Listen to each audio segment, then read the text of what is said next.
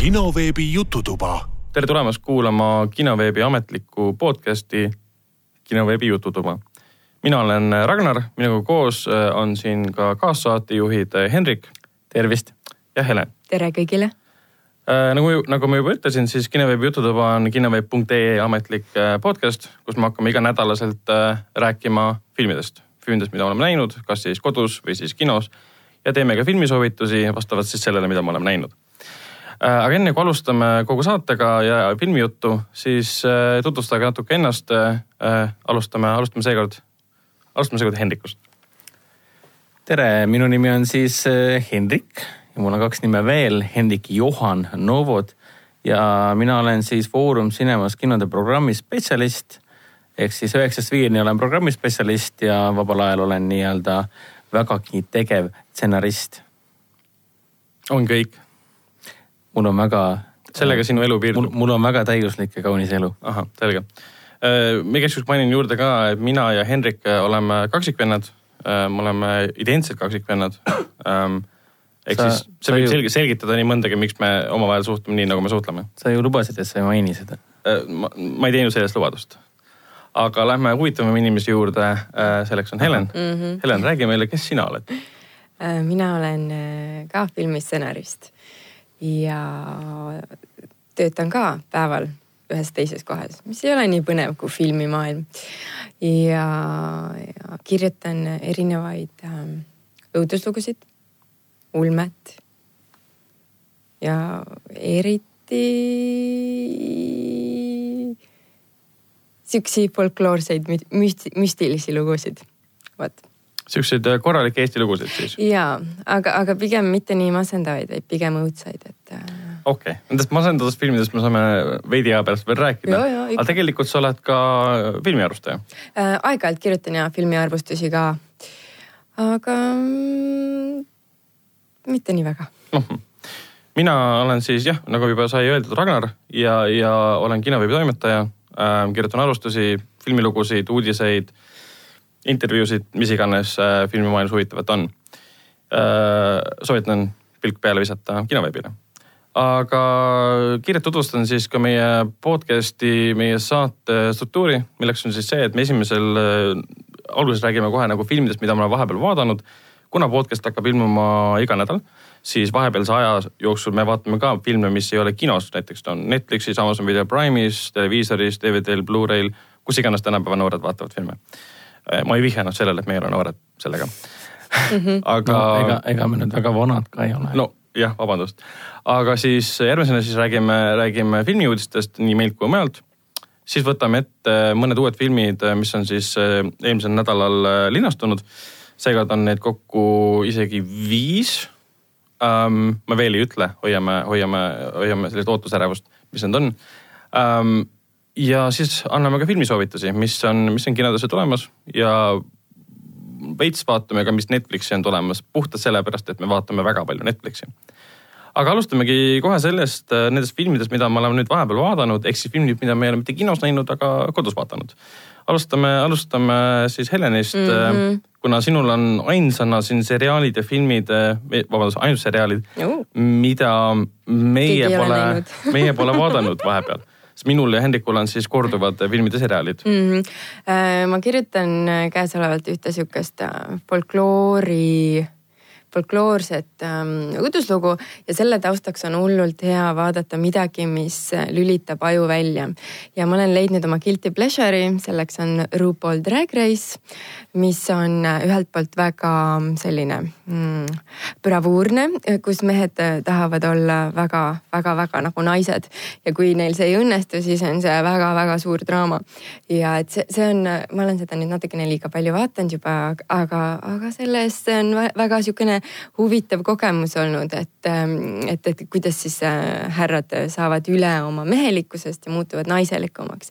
et siis ma nagu ka üritan oma karaktereid luua aeg-ajalt niimoodi, et, et nad saavad üle oma probleemidest ja siis nad lähevad edasi sinna oma õnneliku või õnnetu lõpu juurde, et noh, Eesti müüdis leidub nii üht kui teist kõlab äh, väga stimuleerivalt äh, ja. ja see oli nüüd ka Netflixi pealt? see oli jah Netflixist, et äh, Netflixist lisaks sihukene tore sari nagu Derek, mis on UK sari, see jooksis isegi ETV-lt pealt mingisugusel ajal ja selline mm, väga Äh, kummaline peategelane kes on hästi vahetus suhtes maailmaga, sest ta, no ta ei ole nagu niisugune päris tavaline poiss.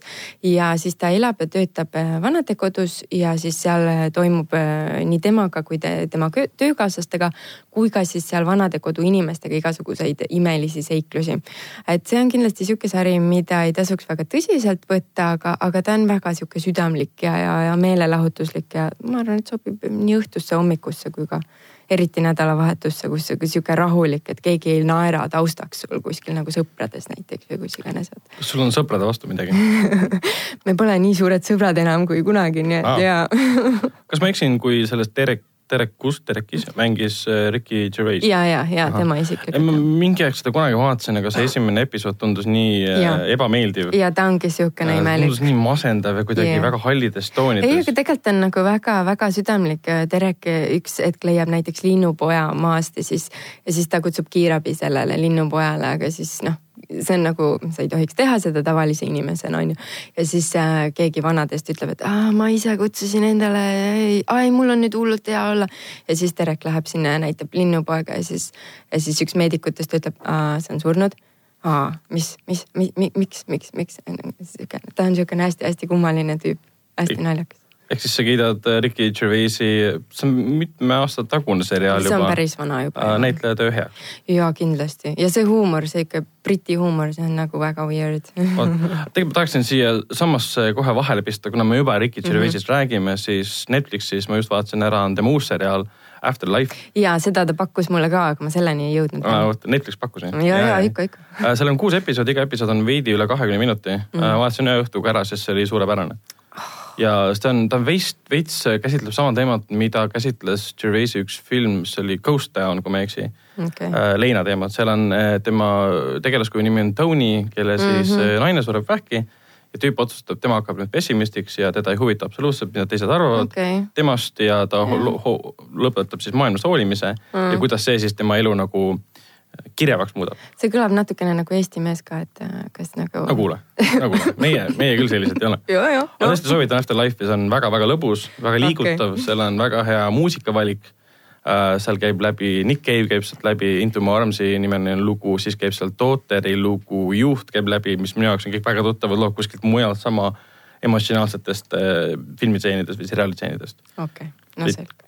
aga Helen, ma vaatan, et sa oled veel vaadanud mm -hmm seriaalid töötavatest emedest uh, seda Working Moms äh, soovitas mul üks sõbranna, kellel on kolm last kodus ja ütles, et, et noh, et tead sa, et natukene sihukene imelik on, aga, aga tead täitsa okei okay on, onju. siis mõtlesin, okei okay,, mul ei ole kolme last kodus, et noh, et kas ma nagu suudan samastada või nii.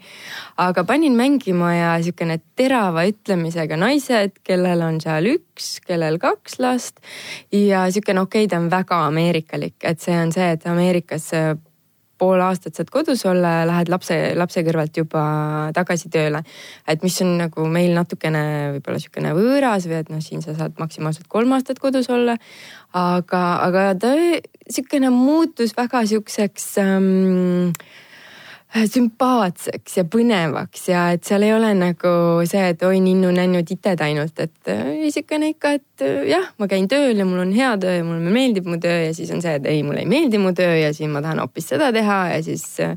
aga ühesõnaga väga-väga mõnus vaatamine on, et noh võib-olla mitte see, et sa vaatad teda nagu seebiooperit järjest, aga lihtsalt niisugune taustaks ja siis aeg-ajalt vaatad, mis nad räägivad ja kuidas nad räägivad ja kuidas nad suhtlevad üksteisega ja oma perega, et see on väga sihuke mõnus oli, mulle täitsa meeldis. veits mulle tundub, et äh, päris, sa vaatad päris palju seriaale taustaks. ühe, ühelt poolt ma saan aru, et sa tegeled mingite muude asjadega ja. nagu stsenaariumi kirjutamine. aga kuidas teil üldse on, kas te vaatate Netflixi seriaale lihtsalt taustaks? Äh, tehes midagi täiesti muud mis ei ole näiteks töö tegemine nagu stsenaariumi kirjutamine mm., vaid lihtsalt mingi muu tegevus? ma olen isiklikult seda proovinud, aga see ei ole nagu minu loomuses yeah.. mul on see isegi, isegi kodus kordusvaatamisega samamoodi, et isegi kui ma pean korraks minema, et nagu võtta, valada tee, tee, teele vett peale, siis ma panen alati pausi, lihtsalt ei mul on see vanast ajast on harjumusest jäänud peale, et sa iga asi tuleb lõpuni vaadata ja just sel hetkel, et isegi kui sa vaatad seda Big Bang teooriat, suure paugu teooriat juba viieteistkümnendat tuhandet korda, sa paned ikka pausi ja lähed teise tuppa, teed oma asja ära, tuled tagasi. see on äh, natuke haiglane ja see võib mõningaid inimesi natuke häirida või tunduda naeruväärne. aga noh, Netflixi puhul äh, noh, ma, ma ei suuda.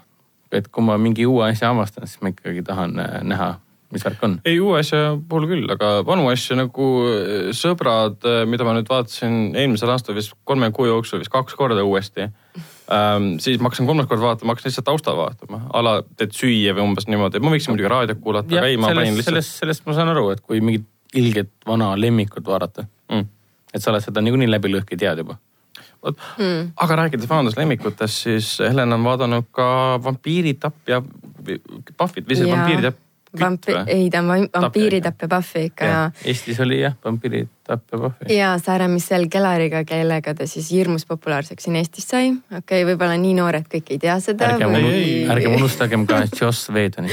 ei, ei mina ikka mäletan väga hästi, et seda TV3 vahendusel mm, -hmm. kui ma ei eksi, mhm. vaatasin, et kuskilt kanalilt ta tuli aga, aga, aga enne seriaali oli ka film, mis tehti aastal tuhat üheksasada üheksakümmend kaks mis ei olnud nii ähm, vürtsikas võib-olla või ei olnud nii eriline.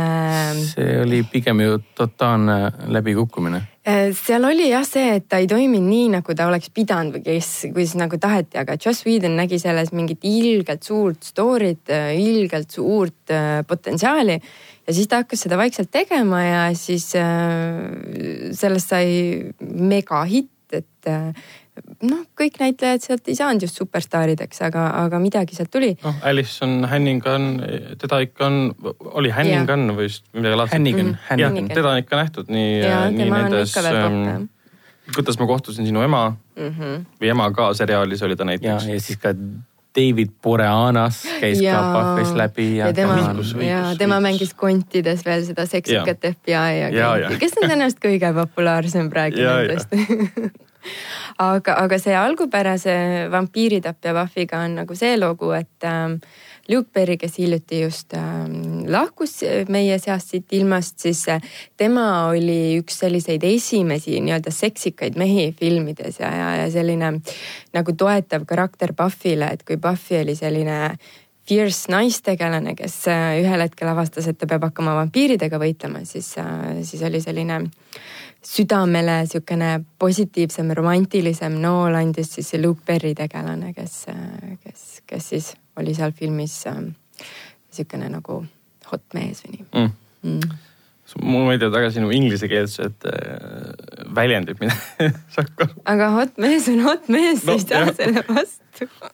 Luke Perry, uh, ta oli ka Beverly Hillsi seriaalis muidugi, seda teevad mhm. kõik uh,. ka seda karakterit on tegelikult kirjeldatud kui sellist mässavat tüüpi, aga kes nagu tutvustas mässava tüübi sellisele karakterile, kes sellist õrnemat poolt. ja kellel oli soe süda oli ja. sees ja, ja suutis armastada ja mis siis, et tal vahel seal pahandusi tuli ja mingeid siukseid asju, aga, aga need said kõik ületatud, et ja mm. ma ei ole küll suur Beverly Hillsi fänn, aga ja ma tean no ma arvan, et Beverly, Beverly Hillsiga oligi see, et sa ei pea nagu suur fänn olema, et, et teada, kes mm. oli yeah., oli Luke Perry või mida Beverly Hills üldse nagu väga paljudele üheksakümnendate äh, lastele tähendas. no just. ma vaatan, et sa oled vaadanud ka sellist seriaali nagu Miranda äh, sellest jah, see on ka jälle niisugune üks imelik UK sari, mis ka samuti jooksis ETV pealt ühel hetkel ta on ka niisugune hästi naljaka karakteriga, niisugune suur tüdruk, kes otsib armastust ja, ja, ja on hästi imelik ja teeb imelikke asju ja talle meeldivad lapselikud asjad, kuigi ta ise ei ole enam nii, nii noor.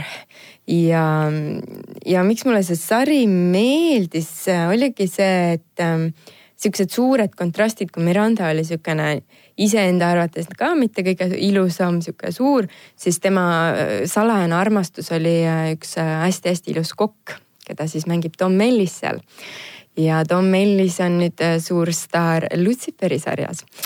ja Lutsifer on väga tore sari, mis ka on Netflixist mul, vot see oli vist see sari, mida mina tõesti vaatasin niimoodi, et silmad lahti, et mitte kordagi ma ei pannud ei läinud ära toast mm -hmm. ja kui ma läksin, siis ma panin pausi peale, sest see Lucifer kuidagi suutis hullult hästi endal sisse tõmmata ja Tom Ellis oli ka väga nauditav ekraanil. selle koha pealt ma olen sinuga nõus jah, sa soovitasid seda Luciferi mulle juba mitu aastat tagasi mm, -hmm. mina Mhm. jõudsin selleni alles eelmise aasta lõpus mm, -hmm. kui ma ei eksi. oli väärt seda, eks? ja vaatasin ka põhimõtteliselt järjest ära, ma ei suutnud kinni panna, ma isegi vaatasin bussis, mul on halb harjumus vaadata seriaale mobiilist klappidega istudes bussis, ma Mhm. tihtipeale vaatasin seda Luciferiga sealt ja Tom Ellis on tõesti, ma ei ütle, et ta hot mees on, aga ta lihtsalt väga hea näitleja.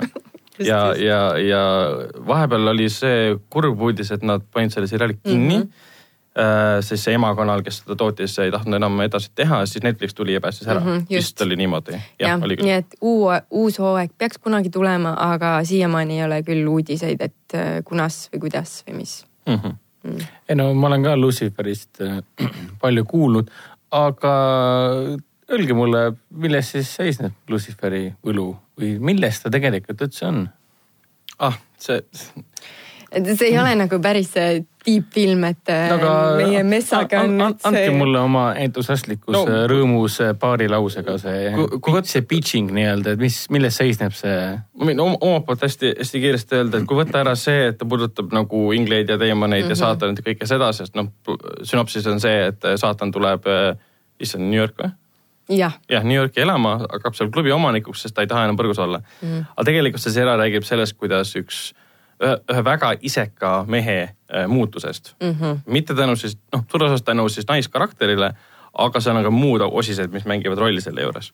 ta justkui otsib iseennast ja ta leiab seda läbi selle neiu, tema silmarõõmu. et, et, et fakt, et ta on nagu saatan, on pigem nagu äh, viis, kuidas asja muuta, noh, fantaasiarohkeks ja põnevaks ja mm -hmm. erutavaks, et muidu oleks lihtsalt draamasari. sest seal on seda müstikat ikka on ja eriefekte ja kõike siuksi ebamaist, mis, mis, mis, mis põimitakse maisega või sellise, sellega, mis on päris, nii et see on nagu see, mis selle sarja juures teeb siukseks vürtsikaks ja nauditavaks. ma ei ole ise seda kordagi vaatama hakanud, aga nüüd, kui algul alustas Helen ja siis alustas mul äh, vend, kaksikvend ja mõlemad on nagu täiesti armunud sellesse, siis mm. ma nagu olen täiesti veendunud, et ma pean ikkagi alustama sellega. kas, kui Netflix korjas nüüd üles, et siis edasi toota, kas eelmised episoodid on nüüd kõik siis Netflixis olemas? ei, see oli juba päris ammu, kõik äh, hooajad on olemas seal. peaks olema jah, ma Jah. ei mäleta, ma vaatasin mõnda aega tagasi ja et äh, ma, ma võin eksida praegu, ei, minu arust vaatasin kõik ära sealt mm., jah.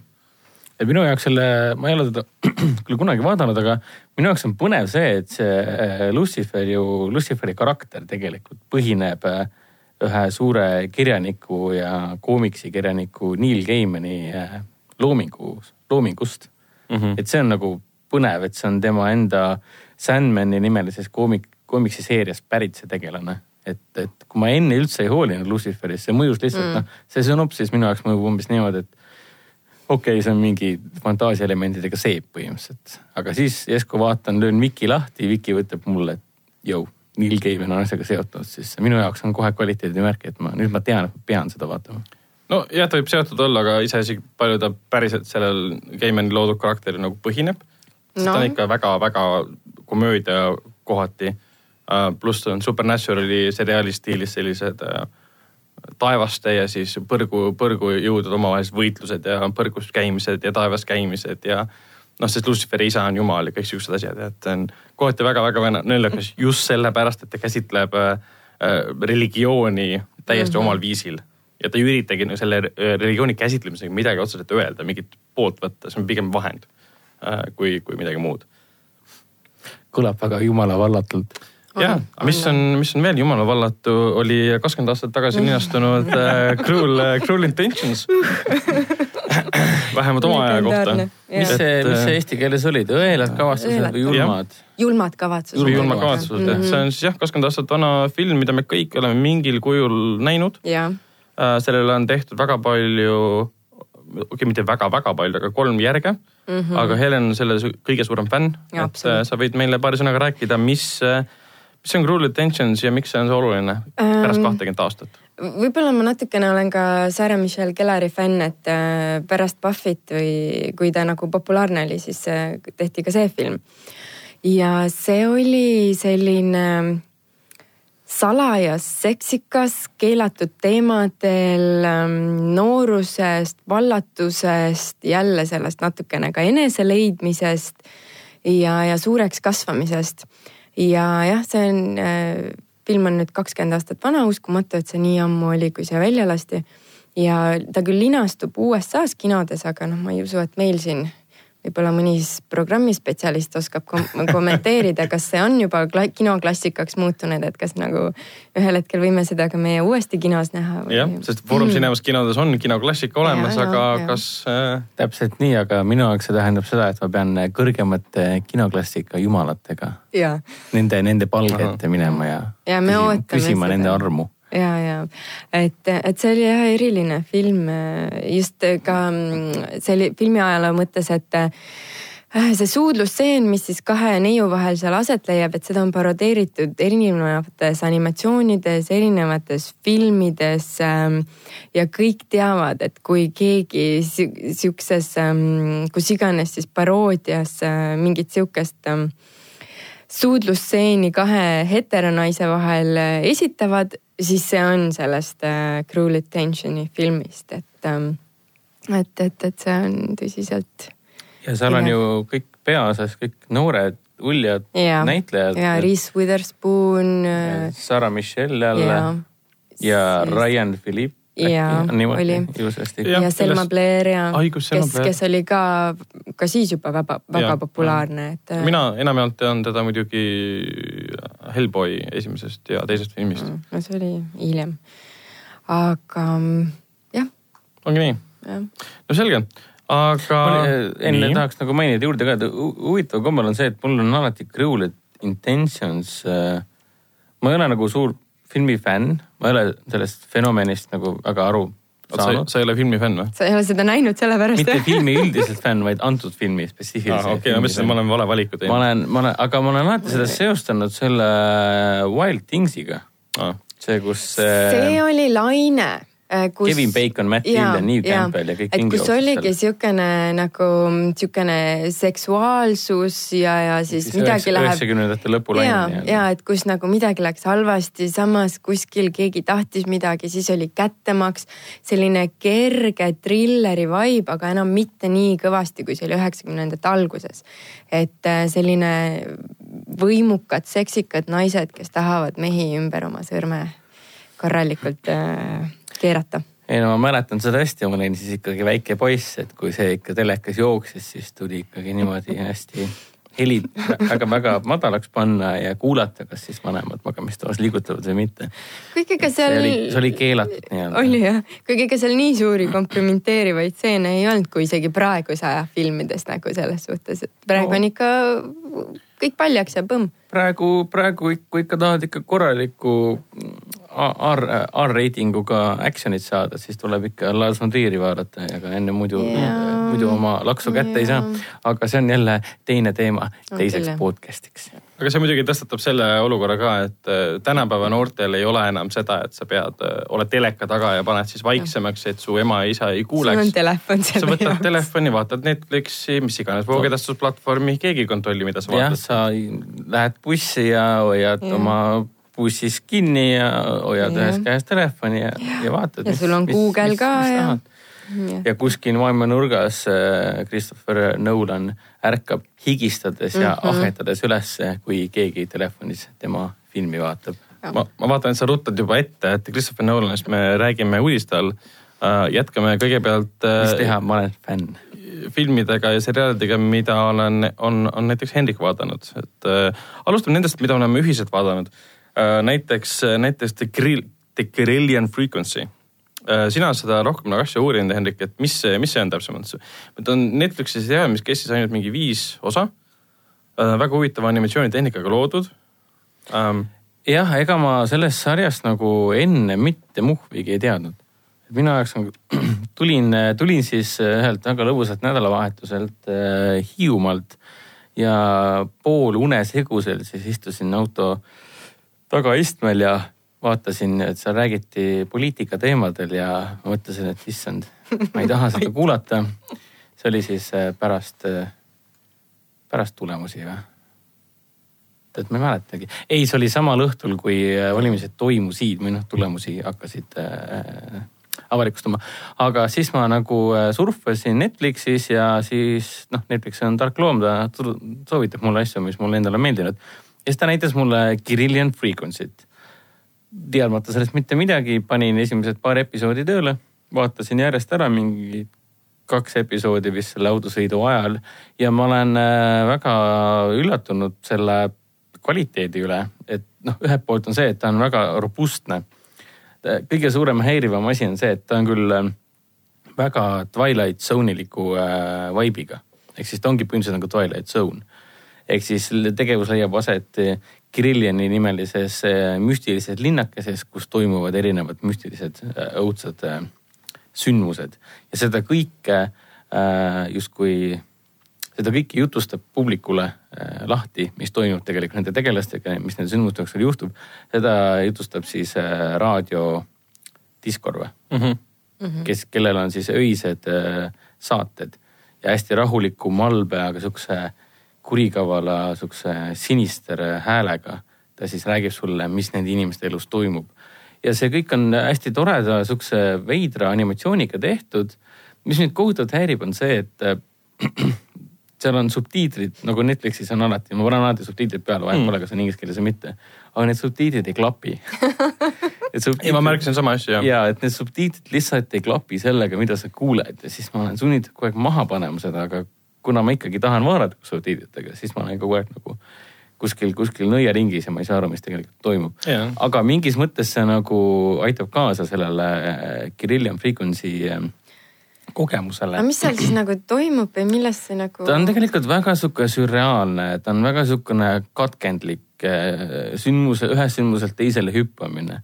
et üks, üks hetk on ta lugu libahundist, siis on ta lugu vampiiridest ja ta jutustab, iga episood on väga erineva jutustamislaadiga. ehk siis põhimõtteliselt ta mõjub justkui lõkke ümber jutustatud õudusloona mm.. kas siis üks inimene räägib seda läbi oma häguse mälestuse, mida ta sellest loost mäletab, või siis mitu inimest panevad kokku seda lugu. aga noh, see raadiodiskor ongi see nagu raam, raamjutustaja äh, selle koha pealt, et tema teeb seda raadiosaadet öösel ja talle helistavad inimesed otse eetrisse mm, -hmm. kes tihtipeale räägivad nendest samadest õudust, õudust äratavatest juhtumitest, mida siis äh, Discord ka siis ise kirjeldab ja siis seal on nagu mitu lugu ühes, ühes episoodis. tavaliselt on, tavaliselt on üks, üks lugu. on see raadiodiskori lugu ja siis esimene mm -hmm. osas oli näiteks Libaondi lugu, mis oli kokku seotud siis sellega, et mis asi on Kirilliani linn okay.. et miks ta asub kaardil umbes niimoodi, et keegi ei leia seda üles, keegi ei leia sinna teed üles, keegi ei tea, mis seal toimub. ühel hetkel mainitakse, et meteoriit on lähenemas, mis läheb küll maast mööda, aga arvatakse, et läheb pihta et see linn on hästi kahtlane, veits meenutab nagu Twin Peaksi linna okay.. et midagi on väga-väga viltu okay. selles linnas ja kogu aeg läbi siis mingi, mis seal oli, viis episoodi. mainitakse, et midagi on selles linnas väga viltu mm. -hmm aga kõik on nagu harjunud sellega, et seal on vampiirid ja libavandid. aga kas lõpus me saame siis teada ka, mis? ei, see lõpeb väga, väga, väga täiesti noaga lõigatult lõpeb ära. ja see asi on tegelikult, Grillion äh, Frequency on üldse loodud mitu head aastat tagasi.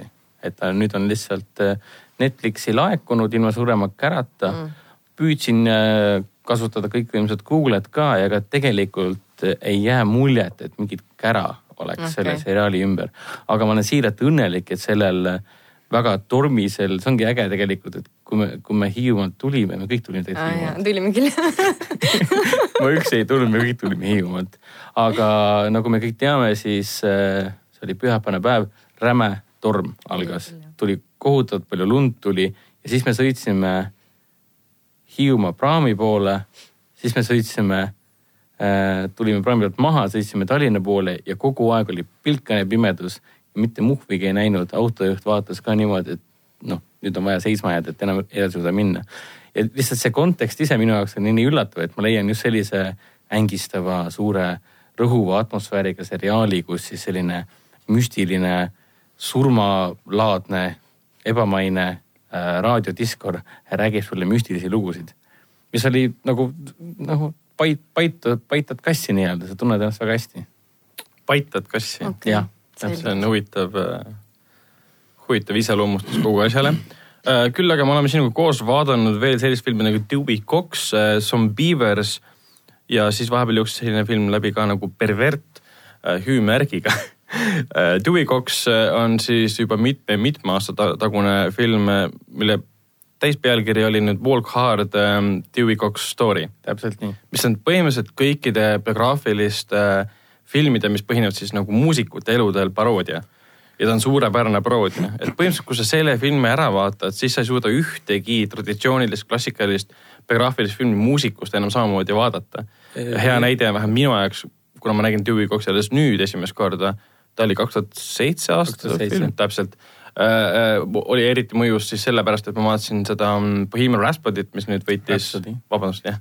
Äh,, mis võitis nüüd mitu Oscarit ähm, uuesti. Ja sa tajud kohe ära, jah, Dewey Cox on selle biograafilise filmi vaatamise ära rikkunud, sest ta tabab täpselt needsamad rütmid ja samad äh, võtted ära.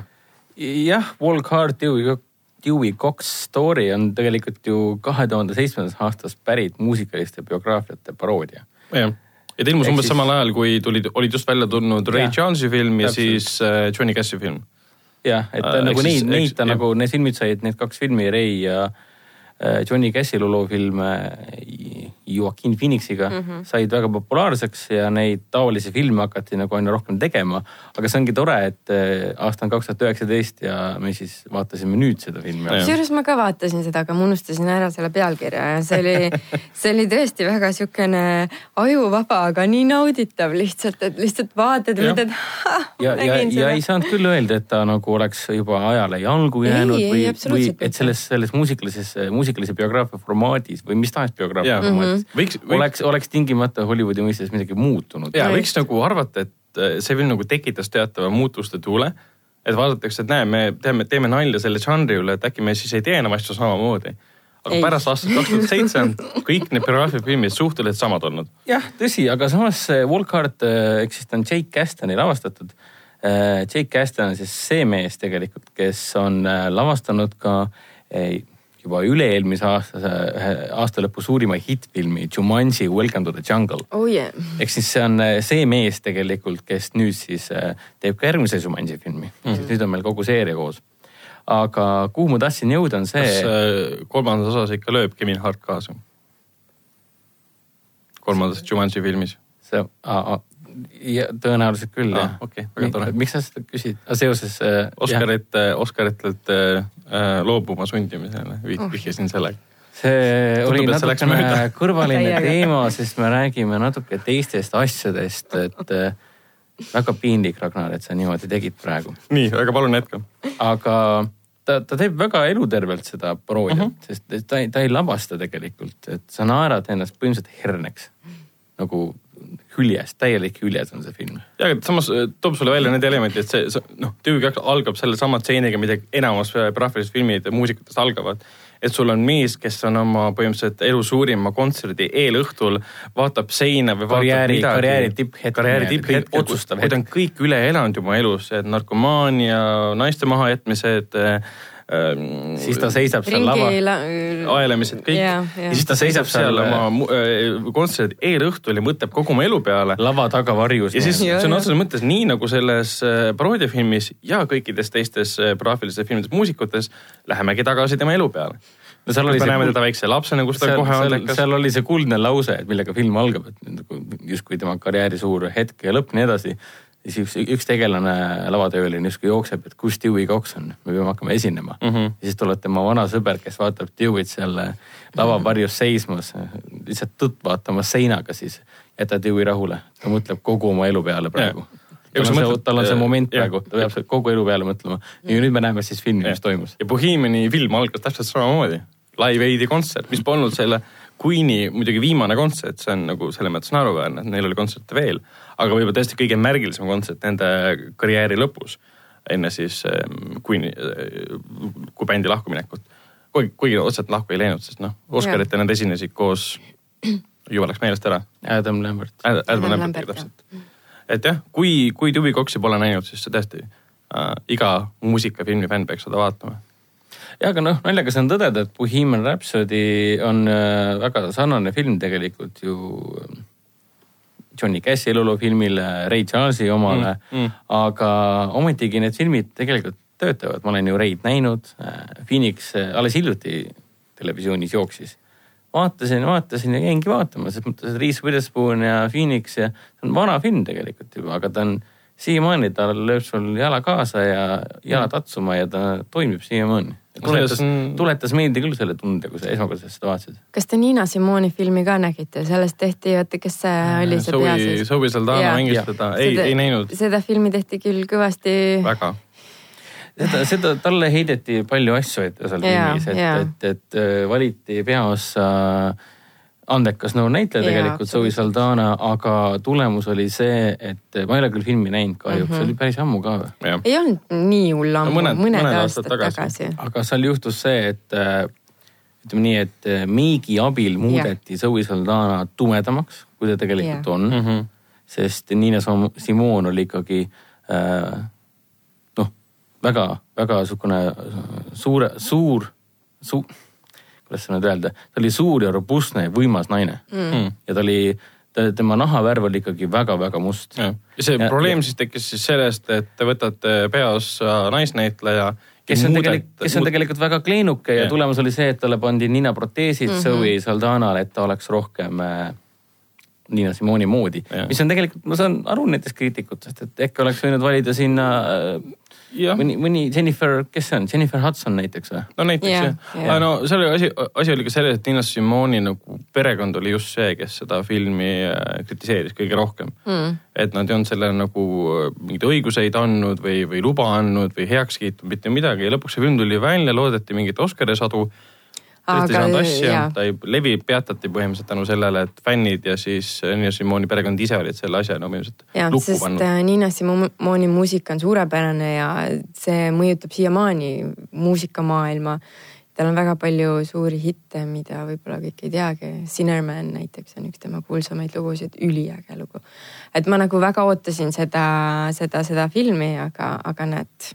Sinner, Sinnermani lugu käis läbi ka Nonii. äh, Luciferi seriaalist, Jaa, kus Tom vot. Ellis mängis seda klaveri taga. ja see oli ilus oo. ja ma arvasin, mulle tõesti meeldis, et sa mainisid sedasama laulu ainult sellepärast, et see oli Luciferis. ei nagu näha, siis väga paljud asjad filmis lihtsalt on nii Ja, väga ja. seotud ja Ja. muusikas ka ja seriaalides ka tegelikult. et, et äh, suur kunst jõuab üksteiseni kuidagi niimoodi. ja, aga rääkides suurest kunstist, siis mina ja Hendrik oleme näinud sellist filmi nagu Zombievers oh jaa, äh, mis on väga üheselt mõistetav film tänu sellele, sellele üheselt mõistetavale pealkirjale mm -hmm.. ehk siis see on, see on kobrastest, kes äh, puutuvad kokku toksilise ainega ja muutuvad äh, sõna otseses mõttes zombideks. Nad muutuvad koletisteks, mitte küll suuremaks, tavalised kobrad ja hakkavad inimesi ründama ja neid tapma. Mhm. no sellele filmile peab au andma, et tal on väga andekas pealkiri, ehk siis mis juhtub, kui panna kokku zombid ja koprad ehk siis piiverid. Mis on iseenesest väga tore ja liidlik ja ta oli täiesti, täiesti tüüpiline oma žanri esindaja, ehk siis sul on, sul on kari noori inimesi, peamiselt nendest on siis naised, kõik on poolalasti mm. -hmm. sest noh, tavalistes filmides peab olema vähemalt üheksakümmend viis protsenti inimestest poolalasti, nad peavad olema- naised. sest kui tuleb mingi verejaanuarile loom, siis peab hästi palju kunstverd pritsima igale poole mm. -hmm. ja antud juhul need loomad olid äh, väga efektselt tehtud, ma pean tõdema, et need, nendega, tseenid, kus nendega võideldi ja neid äh, zombisid ehk siis zombiivereid, kuidas see eesti keeles oleks siis? zombikobras piiver on kobras, eks ole. ehk siis zombikobras. zombikobras. me vist ei hakka siin sõnu, sõnu kokku panema nagu. elavad surnud koprad. igatahes mm., kui need elavad surnud koprad seal inimesi ründasid, siis äh, peab ütlema, et äh, filmitegijad olid ikka nagu ütleme nii, et keele sügavale põske pannud ja nautinud seda, mida nad teevad. ja kuidas see, see looliselt mõjus, et ähm, oli siis sihuke tunne, et ähm, see kirgastas sind ja, ja, ja see, Ei no siis, see tapad- lugu oli nagu hästi räägitud ja kaasahaarav ja siukene. ei, selles mõttes, kui, kui, kui, ära kui, ära nüüd hoogu mine kui. tapatöö saabub, siis see nagu kirgastab ja on Jah, lõbus, sest see on okei, lõbusalt tehtud okei. film.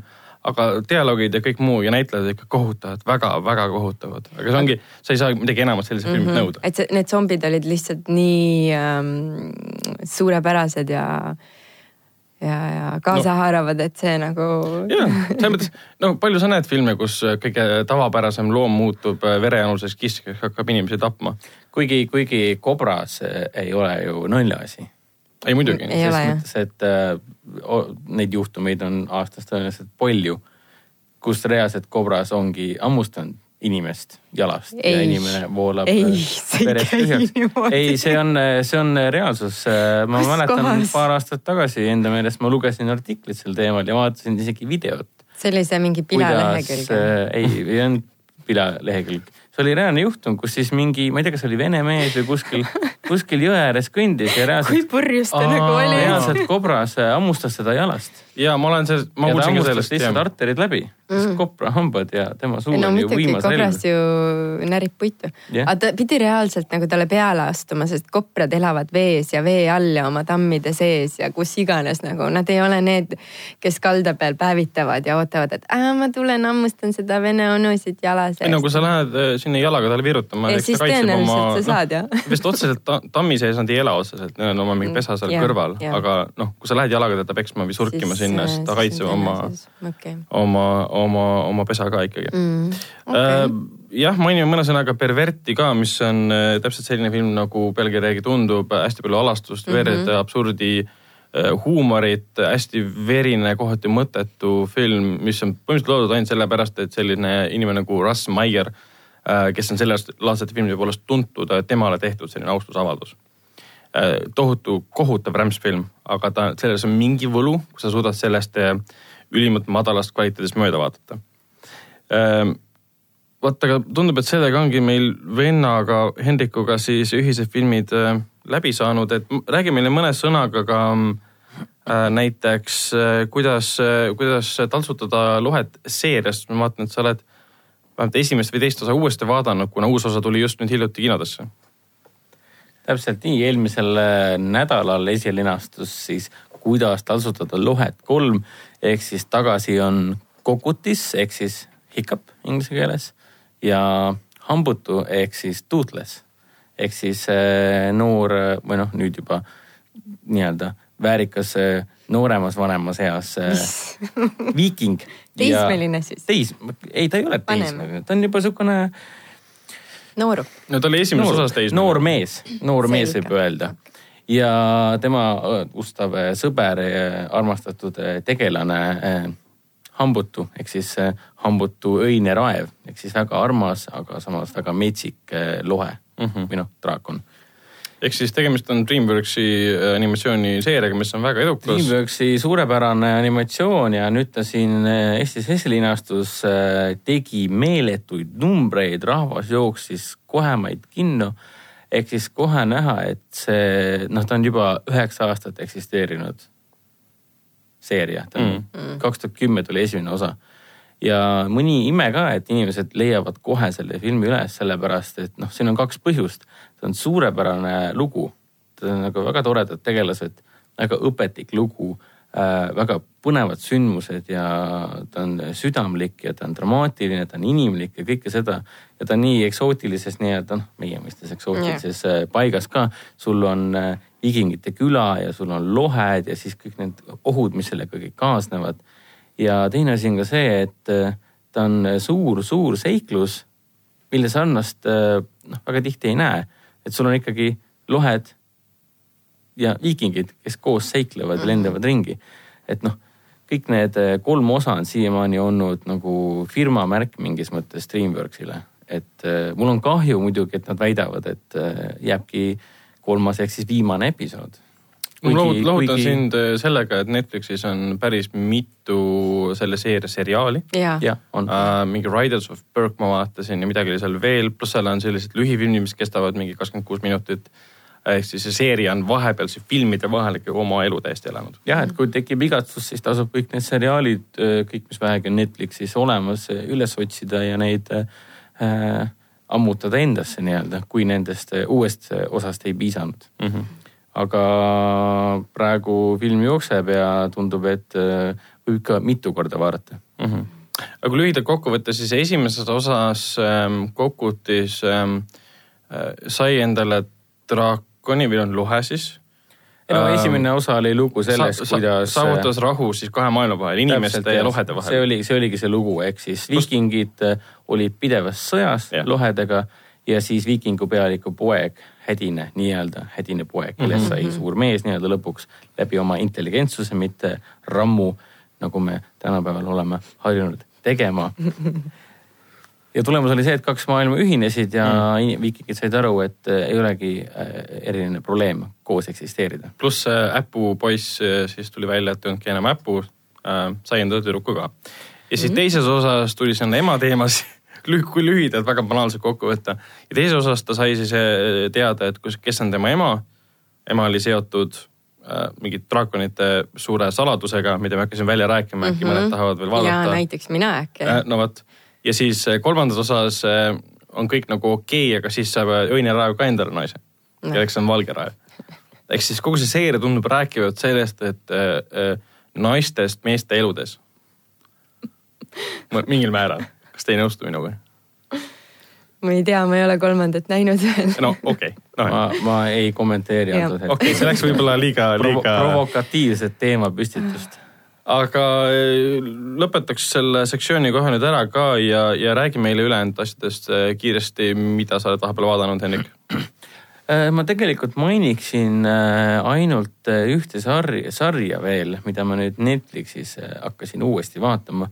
Tegemist on Toomas Harrise Hannibal Lecteri romaaniseerial põhineva telesarjaga nimega Hannibal, kus siis Hannibal Lecterit, keda vanasti kehastas äh, Äh, Brian Cox on teda kehastanud ja kõige rohkem ja kõige kuulsamalt on siis teda kehastanud Anthony Hopkins. Sir Anthony Hopkins. kas sa Sir räägid nüüd seriaalist või filmist? Hannibali teleseriaal okay..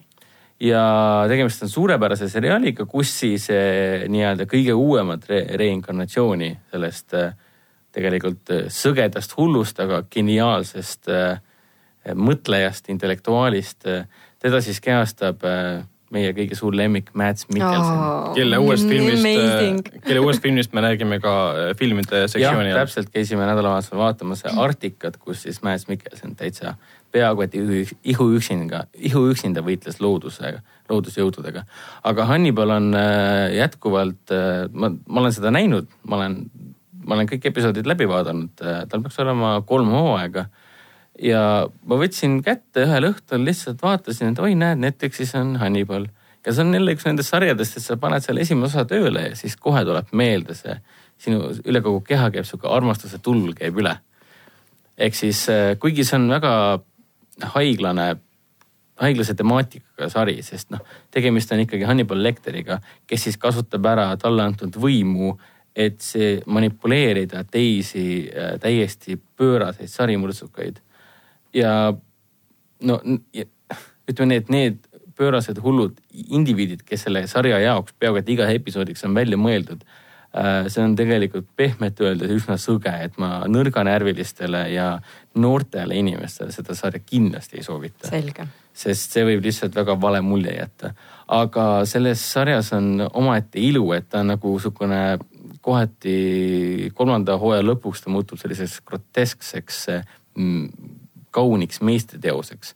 umbes nii nagu me nägime äh, Ralph Finesi, Ralph Finesi, Brett Ratneri äh, Punases draakonis, mis põhineb äh, samuti Toomas Järvise. Brett Ratneri karjääri ainsas heas filmis mm.. võib öelda küll nii, et Red Dragon on noh, suurepärane film, Edward Norton ja Ralph Fiennes ja muidugi ka meie suur lemmik, kes nüüd varakult lahkus, Philip Seymour Hoffman. jah seal siis kehastas Ralph Fiennes hambahaldjad ehk siis Tooth Fairy't. seal ta armastas väga seda William Blake'i äh, Punase draakoni, suure, suure punase draakoni, oli vist suure punase draakoni maali yeah.. ehk siis tegelikult kogu see Hannibali seeria on samamoodi, ta mõjub äh, kohutavalt, sa imetled seda maali aga see on hästi hirmus ja jube tegelikult. pagana hirmus ja sa mm. oled õnnelik, kui see episood ikkagi lõpuks läbi saab. nojah, äh, ma arvan, et sa väljendasid väga hästi seda, mida Anthony Hopkins ühel hetkel ütles ka, kui ta oli Punasest draakonis osalenud, et äh, ta oleks pidanud ainult ühes Hannibali filmis olema. Sest nagu andis mõista, et see karakter hakkas seda juba vaikselt mõjutama, et liiga palju mängis seda. kokku no., kokku siis kolmes filmis jah, kokku ta oli ju kolmes filmis, et oligi Voonakaste vaikimine, Silence of the Lambs, äh, Hannibal, Hannibal ja siis ta oli Punases draakonis, siis muidugi tuli ka Hannibal Rising äh, mm., kus siis äh, Kaspar, Kaspar Ulliel äkki mängis noort Hannibali, ehk siis me nägime, kuidas Hannibalist sai Hannibal. aga ausalt öeldes Hannibali teleseriaalis on samuti olemas selline tore asi Äh, nagu Punase draakoni sisu mm. ja samuti ka Hannibali sünd mm.. ja see on veits paremini tehtud. no ütleme nii, et Brian Fuller, selle sarja looja on, ütleme nii, et ta on, ta on ikkagi suur kunstnik. ta, ta on suurepäraselt oma karakteritest aru saanud ja kuidas neid tegelasi, nende tegelastega ümber käia. Ehk siis teisisõnu, kui sa tahad tegelikult äh, Hannibaliga uuesti alustada või siis esma, esmakordselt tutvust teha, siis ma isegi soovitaksin vaadata Hannibali mm -hmm. sarja enne läbi kas see sari on nüüd äh, kinni pandud või seda tuleb veel või? käivad jutud, et, et ta on kinni pandud okay.. suure, suure nutukooriga nii-öelda mm, -hmm. kõik olid, fännid olid ikka, südamed murdusid nii-öelda mm -hmm., kaasa arvatud minu oma, siiamaani mm -hmm. lapin kokku. sellepärast ma uuesti vaatangi. aga esimesed kaks hooaega on pigem sellest vaatevinklist, et äh, kui sa tahad tutvuda Hannibal Lecteriga, siis äkki vaatad alguses esimesed kaks hooaega ära, siis äh, otsustad, et kas sa tahad näha äh, Richard Armitage'i äh, Tooth Fairy't ehk siis Punase draakoni äh, põhipaha või siis Ralph Fiennes'i oma ehk siis pead otsustama, kumba sa versiooni tahad esimese näha. see rikub nagu natukene siis selle filmi vibe'i ära juba, et kui sa mm -hmm. näiteks mhm. ei ole ühtegi filmi mitte kunagi näinud ja sa ei tea seda sün-, sünget tausta ja seda karakterite omavahelist võitlust ja sellist meeleheitlikkust ja ellujäämist, siis see sari tõenäoliselt rikub selle filmi kogemuse nagu ära natuke. ta võib veits rikkuda, sest tal on väga, sellel sarjal omane väga eriline atmosfäär, ta on niisugune aegluubis ka mm,. ilus kindlasti vaadata. ääretult ilus, et äh, kolmanda hooaja lõpuks oli tulemus see, et äh, äh, noh, enne unustasin mainida, et sarja peategelane on tegelikult Will Graham, keda siis Edward Norton mängis ah, okay. Draakonis. kolmanda hooaja lõpuks on muidugi see, et internet oma kõikvõimsuses hakkas nii Hannibal Lecterit kui ka, ka Will Grahamit ship ima mis asja? mida tähendab ship imine, see on relationship imine ehk siis sarja fännid hakkavad nii-öelda paari mm -hmm. panema nende silmis paari panekut väärivaid tegelasi. ehk siis relationship ima ehk siis ship ima.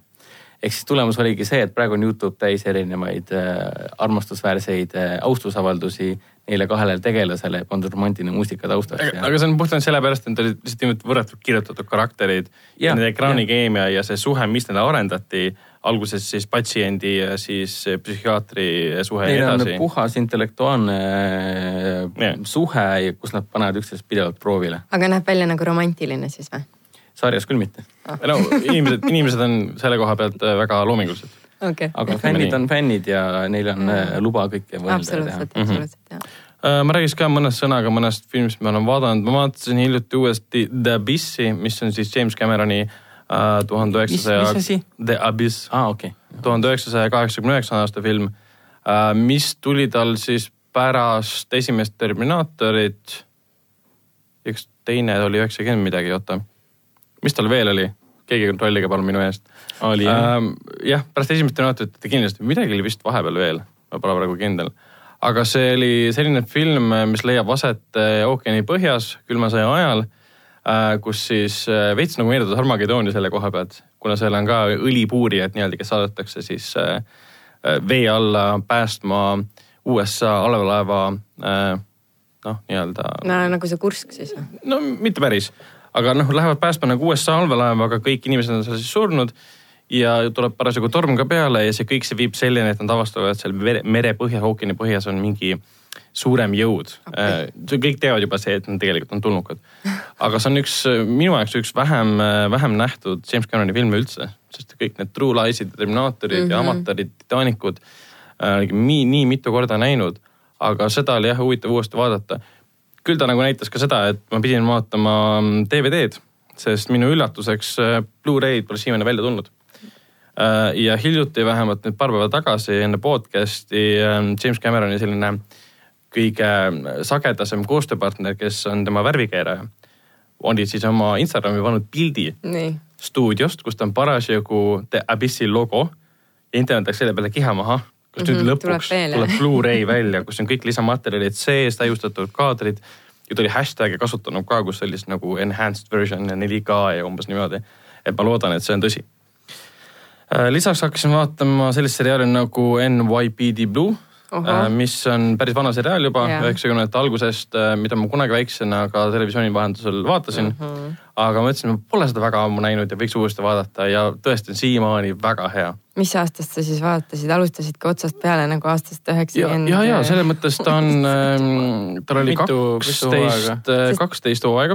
oh jumal. pluss neid on mingid NYPD Blue ekstrad ja spetsialid ja New York ja kõik ei no siuksed, et. ma mäletan ka seda sarja, see oli väga lahe, selle mm. -hmm. selle algustiitrid on väga-väga kaasahaaravad ja tõmbavad sind kohe sisse ära, et sa Mhm. tahadki seda vaadata, et see mm. -hmm. Seal oli see, kes need kaks peategelast olid, et no seal näitlejad? esimeses neljas osas oli, oli. Dennis Franz.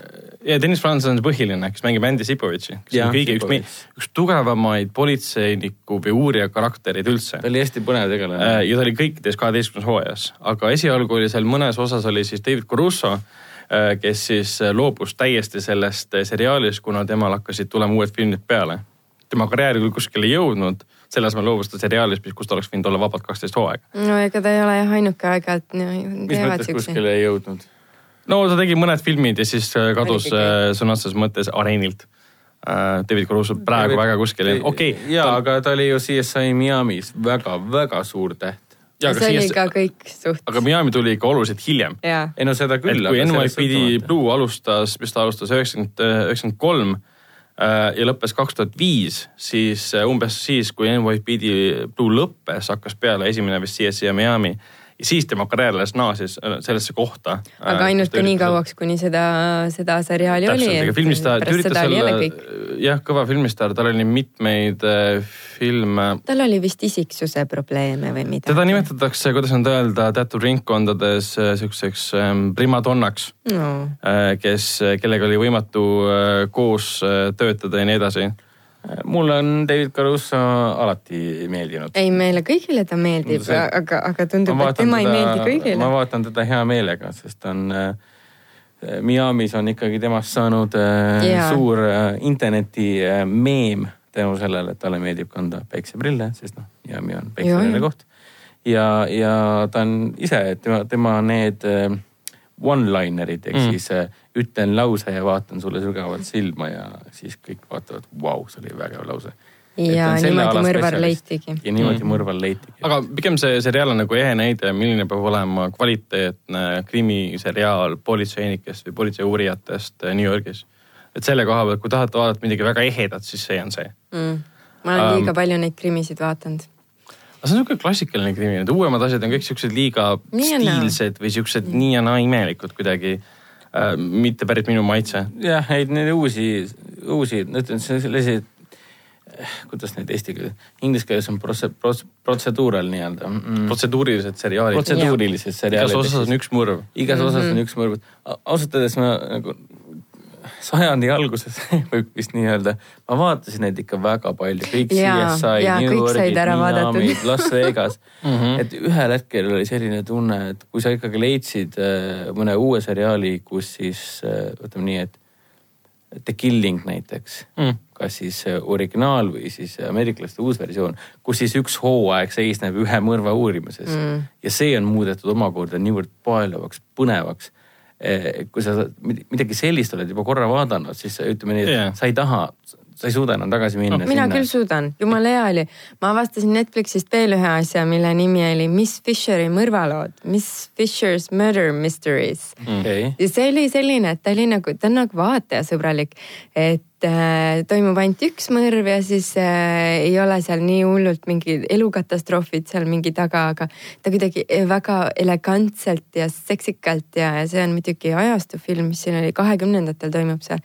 et äh, lahendas väga siukene koos härra, härra, härra uurijaga koos hakkasid lahendama siis mõrvalugusid, mis oli siukene soft talutav, siukene, aga samas põnev, no muidugi üks episood oli päris pikk, vist oli äkki poolteist tundi või midagi siukest. siis ta on sellises ähm, Sherlocki miniseriaali vormis. Mm, mitte päris ikka, ikka iga kord olid erinevad asjad, et äh, no see UK, UK Sherlocki, Sherlocki hooaeg koosnes ka mõnest episoodist ainult, sest iga episood oli ju üle noh, peaaegu poolteist no, tundi. täispika filmi pikkus. aga, aga jah, vahelduseks äh, nendele jõhkratele mõrvadele New Yorgis ja mujal mm -hmm. siis äh, sihuke asi kõlbab väga hästi vaadata.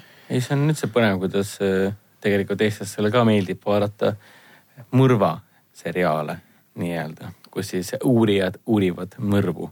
Et ühel hetkel see viskas mul nii, nii üle, no see oli ikka hea mitu aastat tagasi, aga et see, et mis see oli, see Criminal Minds. jaa, nad siiamaani vist toodavad mis ta seda. eesti keeles oli?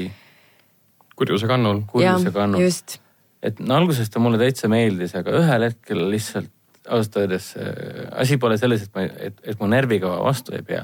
aga kui sa ikkagi vaatad äh, lõpuks mingit kahekümnendat episoodi sellest, kuidas mingi äh, vaene väeti üldjuhul miskipärast äh, naisterahvas on Tavaliselt, kuskil jah. äh, kettide kolina saatel tiritud ja topitud kuskile pimedasse rotte täis keldrisse ja siis mingi ägisev ja ohisev, ogi, ohisev ähm, eriti pöörane ja eriti haiglase lapsepõlvega hullumeelne sarimõrtsukas hoiab teda seal kinni ja teeb, mis tahab. ja siis need targad äh, pidevalt filosofeerivad uurijad, kes on, üks näeb rohkem hipster välja kui teine, püüavad seda vaest neidu siis leida, siis ausalt öeldes see mõjus mulle lihtsalt sihukese ekspluateeriva jamsina. noh, jah, võib ka nii nagu võtta. mul on, mul on oma ajaga ikkagi, ma pigem, ma pigem vaatan näiteks Netflixi armastatud seriaali uh, House, Haunting on Hill House'i uuesti Mm. Et, et kui sa, või siis HBO True Detective'i No, täpselt. ja kolmandat hooaega, sest teine on halb. et ei ole vaja näha iga episood, kuidas tehakse kurja, vaid ma ei vaata kumbagi. vaata üks hooaeg ära, kus tehakse kurja. uue RuPauli peale, see tõmbab Eks hoopis teisele lainele. Vot äh, mul on veel kaks asja mainida, üheks neist on Beyond the Curve, mis on siis Netflixis dokumentaal mis see on? lameda maa uskujatest Oo. mis on päris äh, kõrvad, meelel- kõrvad kiki. päris meelelahutuslik selle koha pealt, et kes need inimesed on, miks nad seda usuvad, mis on need vahendid või sellised tõestusmaterjalid, mis panevad neid uskuma seda, et kõik teadlased valetavad Mm. ja miks ükski teadlane pole kunagi nendega liitunud, sellepärast et noh, kaotab oma töökoha pärast, sest et tõde välja öelda. Ja selle kohta väga meelelahutuslik tõesti, et millised need on, need inimesed, millised suhted isegi omavahel, neil on väga suured konverentsid, mida nad korraldavad, kus käivad tuhanded inimesed ja arutavad sedasama lameda maa. see pole nende jaoks teooria, nad teavad, et see on lame. et see, Nad tahavad seda kuidagi, kuidagigi tõestada. see ei ole lihtsalt paar mingi kindel grupp ei, ei, ei, see on tohutu, tohutu, tohutu mass inimesi. aga kas me räägime ainult Ameerika inimestest või? see, see keskendus ainult ühele, vähemalt esialgu esimene see dokumentaalne filmi pool keskendus sellele ühele ameeriklasele jah okay. kes sellega asjaga hakkas tegelema siis, kui see internetis nii populaarne veel ei olnud uh,. siis ta ütles ka, tema jaoks oli hästi hämmastav näha, et esialgu sa otsisid Google'is lamedat maad, kui tema alustas selle asjaga, oli siis mingi paarkümmend vastajat mm, -hmm. nüüd on mingi paar tuhat vastust, rohkem miljoneid okay. juba. ja, ja kuidas see populaarsus on kasvanud, kasvanud, kasvanud, kasvanud. no ma olen, ma olen seda kuulnud ka, et noh, kui rääkida teooriatest, mis on teooriad või noh, lameda maa, see pole ju teooria isegi. No nende no jaoks seda- on, aktsepteeri on ju. teooria on ikkagi miski, mis, mida saab justkui vaadelda ja püütakse tõestada. jah, seda nad ju teevadki. Nad aga- tõestavad aga- kogu aeg sulle, et no ma see on, olen see on umbes samasugune soov, unelm mingist imelikust teooriast kui see, et osad inimesed internetis on veendunud, et näiteks sellist riiki nagu Soome ei ole olemas. see on selline läbiv nali. siis see on- mina Sama- seda nalja ei tea. ehk, siis see on reaalselt, inimesed levitavad internetis kaarti mm., kus siis äh, Eesti, Norra ja Venemaa vahel ei ole mitte midagi, seal on lihtsalt meri.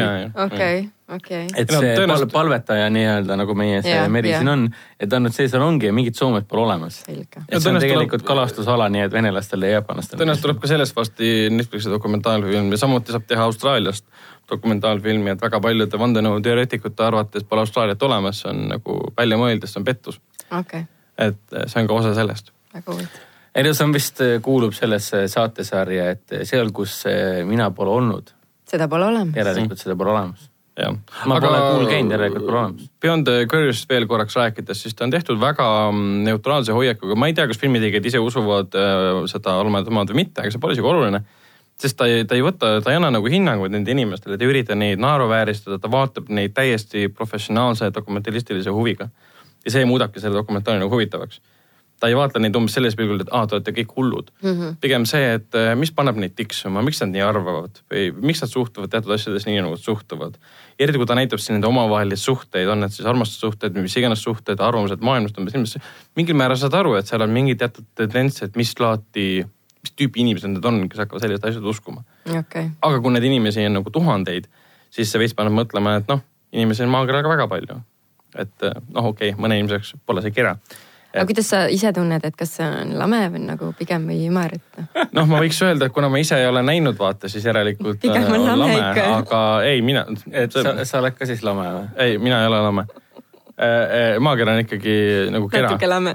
kera selle koha pealt, et ei noh, see, mul, see mul ei ole. talveperiood hakkab läbi saama, et ma tunnen ennast küll natukene väga ja. kerajana praegu. ei, mina, mina ei arva, et maakera et see oleks mingi NASA või, või USA valitsuse suur, suur vandenõu. Ja peaasjalikult on see võib-olla sellepärast, et see, isegi kui homme nüüd selgub, et äh, maakera on lame, siis ega see ei muuda mitte midagi. Selle, selle ei, koha see pealt. muudab vaata seda, et sa lihtsalt võid ühel hetkel nagu alla kukkuda Nojah, sealt, seda- kui sa sinna ei no see muudab jõuad. seda, et siis nüüd avalikustatakse kõik need äh, turisti, turistikad nii-öelda Nojah, aga- hakatakse meeletus summasid võtma, et sa saaksid minna maakera servale. Jaa, aga- vabandust, vabandust, maa, maal Maa- lameda servale. aga kas inimesed ei pea enam nagu tööl käima või makse maksma, ikka peavad, need asjad jätkuvad nii või naa, on maakera lame või mitte uh,. Aga noh, ta ei ole lame, see on nagu selge. aga selle rõõmsa uudisega lõpetame see on siis saade filmidest. veidi, veidi pikale veninud esimese, esimese osa uh, neljast, lähme edasi kähku uudiste juurde uh,. kohe varsti tuleb Eestisse üks uus, uus Eesti film, Eestisse üks uus Eesti film, vabandust, kinodesse üks uus Eesti film, milleks on Martti Helde Skandinaavia vaikus. millal see film linastub, Hendrik? See film esilinastub, mitte esilinastub, vaid alustab Eesti kinodes äh, kahekümne üheksandal märtsil. Mhm. ja ausalt öeldes selle filmi treiler ei ole hea, vähemalt minu jaoks. ma ei tea, kuidas teil, aga mulle ma, mulle küll väga meeldib. millist sa mõtled nüüd? Skandinaavia vaikuse treiler, mille Ei. esimene pool sellest väga pikast treilerist koosneb sellest, kuidas. ei ma nägin ühte kinos, kinoekraani pealt. No vot, see ongi see, kus Reimo- sama, see on sama treiler, mis sa ka Mhm. netis oled näinud. et Real Est ja Reimo Sagar, Sagar, kes on seal peaosas, nemad on siis äh, autos ja räägivad juttu. et see lihtsalt see oli liiga pikali veniv treiler, mis kestis kolm-neli minutit. üldjoontes ma ürit-, mina üritan treileritest äh, eemale hoida, sest ma tahan olla üllatunud, kui ma filmi näen. Nii et äh, ega ma väga tõenäoliselt ei vaadanud ka seda, et mm. ma pigem vist vaatasin mööda äkki ja ei no ta tundus, teda reklaamitakse kui trillerina. ja reklaammaterjalis on väga palju mainitud seda, et noh, Skandinaavia vaikus ehk siis selline, kuidas nüüd öelda, vaiksed Eesti inimesed, põhjainimesed. aga sinna siis kahe, kahte inimest seob mingisugune taust, kriminaalne minevik, mis neile siis mingil, mingil kujul jõuab järele ja siis nad peavad sellega nagu tegelema ja kui treiler lõpuks hakkas käima sõna otseses mõttes, siis oli näha väga kiire montaažiga, et jah, mingisugune trilleri seal, trilleri element seal toimub. mis minu jaoks on nagu lahe, sest millal viimati me nägime Eestis eestikeelset trillerit. okei okay,, Tõde ja õigus seal mingil, mingil kujul oli trilleri elemente, aga ta ei olnud trillerina ei no. Tõde ja õigus on ikka eepiline, inimlik, ajalooline. aga millal me viimati, millal me viimati nägime trillerit eesti keeles Eesti kinos? See pidi olema see mina, oota see, Mina täna öösel me ei maga või? ei, mina olin, mina olin siin, tegelikult. võib-olla vahepeal oli Ei, klass klass on ka triller. ei luure ja luuletaja oli ka mingil määral triller, seal oli ka No, luuramise teema see, sees aga ta žanriliselt ei läinud trilleri alla minu arust. selles mõttes äh, ootan filmi ära No no,. ta on mustvalge, pealkiri on Skandinaavia vaikus, kakskümmend üheksa märts äh,. Real Est, meie kõigi suur lemmik on peaosas äh, koos Reimo Sagariga. kas sa ikka mainisid, et äh, filmi, filmi, suure Eesti filmi ristuules režissööri Juss Sünd? jah, täpselt, see on Ristulas Martti režissööri. Helde on jah, täpselt see üliandekas äh, noor lavastaja, kes lavastas Ristuules. jah, ehk siis see tegelikult väga eriline film, mille sarnast tegelikult maailmas, see tehnika, mismoodi Ristuules tehti, mille sarnast tegelikult ei leiagi tegelikult maailmas. mina isiklikult ootan Skandinaavia vaikust väga. treiler, noh, ma ei, ma ei jaga seda entusiastlikku, entusiastlikku, mulle ei meeldinud see treiler tunnet. minu meelest treiler oli, see oli kaks minutit ja üksteist sekundit Mm. oli kenasti kaheks osaks jagatud meil on dialoog, väike atmosfäär antakse sisse ja siis minnakse nii-öelda action'iks. ehk siis nagu me teada saime, et siis, mis ta on nüüd, Mikk Pedaja. Jah. Mikk Pedaja, jah. Mikk Peda teeb filmile soundtrack'i ka ehk siis filmi muusika ja seda on ka kinnitamata andmetel, aga tõenäoliselt seesama muusikaparem, mis ka treileris on, on seda väga hästi kuulda. et juba selle muusika saatel tegelikult äh, mina isiklikult, mulle tundub, et sellest filmist tuleb sihukene äh, naha alla pugev trilleri elementidega selline psühholoogiline karakteridraama.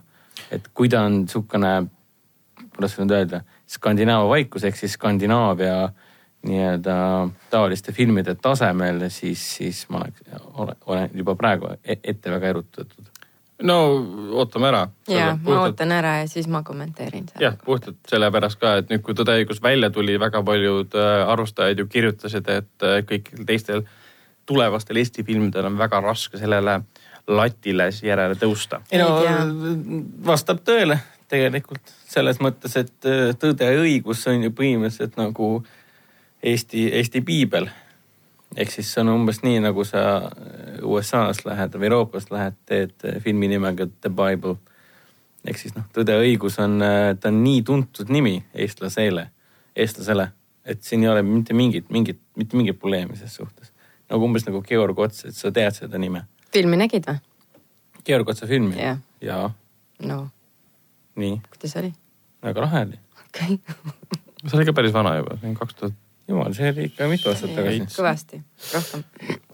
seda võiks, äh, oota, ma kähku kontrollin, mis see aastanumber oli, muide piinlik olukord, kus äh, ei mäleta, see film. Georg, kaks tuhat seitse. aa, no vot, siis ma ikka mäletasin õigesti, väga tore äh,. Lähme kähku edasi uudistega ja räägime korraks Marveli uuest filmist Captain Marvel, mis on siis MCU ehk siis Marvel Cinematic äh, Universe'i ähm, kahekümne esimene film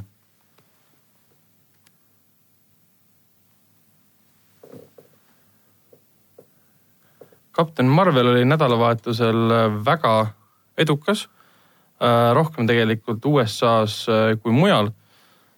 Eestis ta jõudis siis nädalavahetuse top seitsmes Eesti kinode mõistes kolmandale kohale, sest esimese koha võttis endale ei keegi muu kui kuidas tasuta rohed kolm yeah.. teise koha sai Tõde ja õigus ja kolmanda koha siis kapten Marvel kapten Marvel ise suutis USA-s avanädalavahetusel, mis, mis kestis siis kolm päeva, kuna kaheksas märts oli ka püha ja äh, nädalavahetus ongi reede, laupäev, pühapäev, teenida sada viiskümmend kolm miljonit dollarit, mis on siis ähm, kõikide Marvel Cinematic Universe filmide, mida siis täpsemalt siis kakskümmend üks, mida ma mainisin juba, seitsmes koht, kõige parem avang. ja maailmas ta teenis tagasi kolme päevaga nelisada viiskümmend viis miljonit dollarit ehk siis igati, igati ootuspärane avang äh, Marveli uue superkangelase filmile. Sõltumata sellest, et tegemist on äh, noh, esmakordse sissekandega sellisele kangelasele, sest noh, Captain Marvelit kui sellist ei ole varem äh, mitte kunagi noh, Marveli kinouniversumis eksisteerinud, ainult vihjatud. jah, sest ta on sünnilugu taaskord üle pika aja. viimane sünnilugu oligi Doctor Strange. Doctor Strange arvan ka. jah, sest pärast seda tulid juba järjed nagu äh, tasuvõivad igavikus sõda ja siis tuli sinna otsa ähm, Sipelga mees kaks. Äh, ei, mis asja, kuulge, Black Panther ah,. Must Panther oli ka sünnilugu, täpselt. Must jah. Panther on ka, aga ma saan aru sellest eksitusest, sest Must ja, Panther on äh, niivõrd, ma kohutavalt armastan Musta, Musta Panterit Äh, ta on niivõrd terviklik film, et seda, selle kohta on patt öelda, et tegemist on sünnilooga. Äh, jah, neil on teatavat sarnasus Kapten Marveliga küll, aga sellest räägime natuke hiljem filmide all, kus me seda filmi ka rohkem arvustame nii-öelda. Ähm, räägime veel näiteks sellest, et uus Rambo film, mis on siis seerias nüüd viies osa, linastub septembris. Eesti linastusaeg pole veel minu teada kinnitatud aga ametlikult linastub jah septembris, see on siis viies osa, äh, pealkiri on lihtsalt Rambo viis äh, Last Blood. Esimese Rambo nimi oli lihtsalt äh, First Blood, hiljem sinna tuli otsa Rambo, mis iganes episoodi nimed. see seekord leiab aset siis Mehhikos, kus siis Rambo võitleb ma ei usu, et nagu müüri ääres kuskil võitleb, aga. no selleks ajaks nad teevad selle müüri sinna. ei no see läheb veel aega, Trump pole veel raha kätte saanud. aga see, see selleks Äh, võitleb seal narkokartellidega pärast seda, kui tema äh, tütar röövitakse. Äh, mis tundes seda seeriat või vähemalt vaadates seda kahe tuhande kaheksanda aasta Rambo neljandat osa, mis kandis lihtsalt nime Rambo, kui verine see oli. seekord, seekord küll Stallone ise filmi ei lavasta, seda teeb üks teine, teine režissöör. Adrian Grunberg. jah, täpselt, ta ei olnudki mul sellepärast meeles, et äh, see on suhteliselt tundmatu, tundmatu režissöör. kuule, aga filmil on täitsa alapealkiri ju olemas. jah, ma ütlesin seda Last Blood okei okay,, vabandust, ma sattusin niivõrd suurde ekstaasi seoses sellega, et Rambole tuleb uus Mm, episood. mm. no, no- nagu, nagu me kõik mäletame, siis neljas osa oli ikkagi metsik, metsik film. ja ma mäletan ja hästi. see oli, leidis aset äh, Birmas, kus ta siis filmi lõpus, viimases vaatuses kuulipilduriga inimesi tükkideks lasi. See on jah, ääretult äh, rambolik äh, film, ääretult, ääretult vägivaldne. ütleme nii, et sellest esimesest Rambost ei ole enam suurt midagi alles jäänud mm.. no esimene Rambo oli ikkagi tõsine, tõsine noh, action, draama äh, valesti mõistetud mehest. noh, ta oli pigem jah, post, posttraumaatilise stressi all kannatavast äh, sõdurist. ja et nagu neljas oli ikka selline räme popkornikas, et ma mäletan, et ma olin siis ikkagi äh, noor mees veel ja ma ütleme nii, et äh, see võib kõlada imelikult, aga see oli üks, kindlasti üks äh, naljak, naljakamaid äh, kinoelamusi. ei, muidugi. sest noh, selline verepulm, selline tehislik vere, verepulm, mis on sinu jaoks loodud, see tahes-tahtmata, see, sa lihtsalt hakkad naerma, et ennast kaitsta selle eest, mida sa näed no,. õudukate puhul on samamoodi. oli suureelarveline B-film selle koha pealt, need ongi sellised filmid, kus sa naerad kaasa lihtsalt selle õõva või selle jubedusega, mida sa ekraanilt näed. Ja loodame, et Rambo viis tuleb enam-vähem samasugune. tõenäoliselt jääb see siis Stallone'i jaoks jällegi viimaseks filmiks, sest ta juba Rocki mantli andis üle äh, hiljuti Michael B Jordanile, kes on siis juba Creed ühes ja Creed kahes kaks korda mänginud nii-öelda Rambo protežeed äh, aga, aga kas siis äh, uus Rambo, kuues Rambo on siis Rambo tütar või? ma loodan, et ma ei tea, selle tuleviku kohta pole mind midagi mis sa teada. tahtsid praegu öelda, et ma loodan, et ei, ma ütlesin, ma loodan, et ma ei tea. ahah, ma, ma arvasin, et sealt tuleb, ma loodan, et mitte. ma ei Ei, tea ma nagu väga suurt entusiasmi ei jaga selle filmi osas hetkel, et äh, pff, ma- no ja vägivald ja võib-olla toimib. aga no pikisilmi oodata sügiseni, ma ei tea. no mina kui Rambo fänn, olles hiljuti neid kõik uuesti üle vaadanud, siis ootan ikka väga suure õhinaga.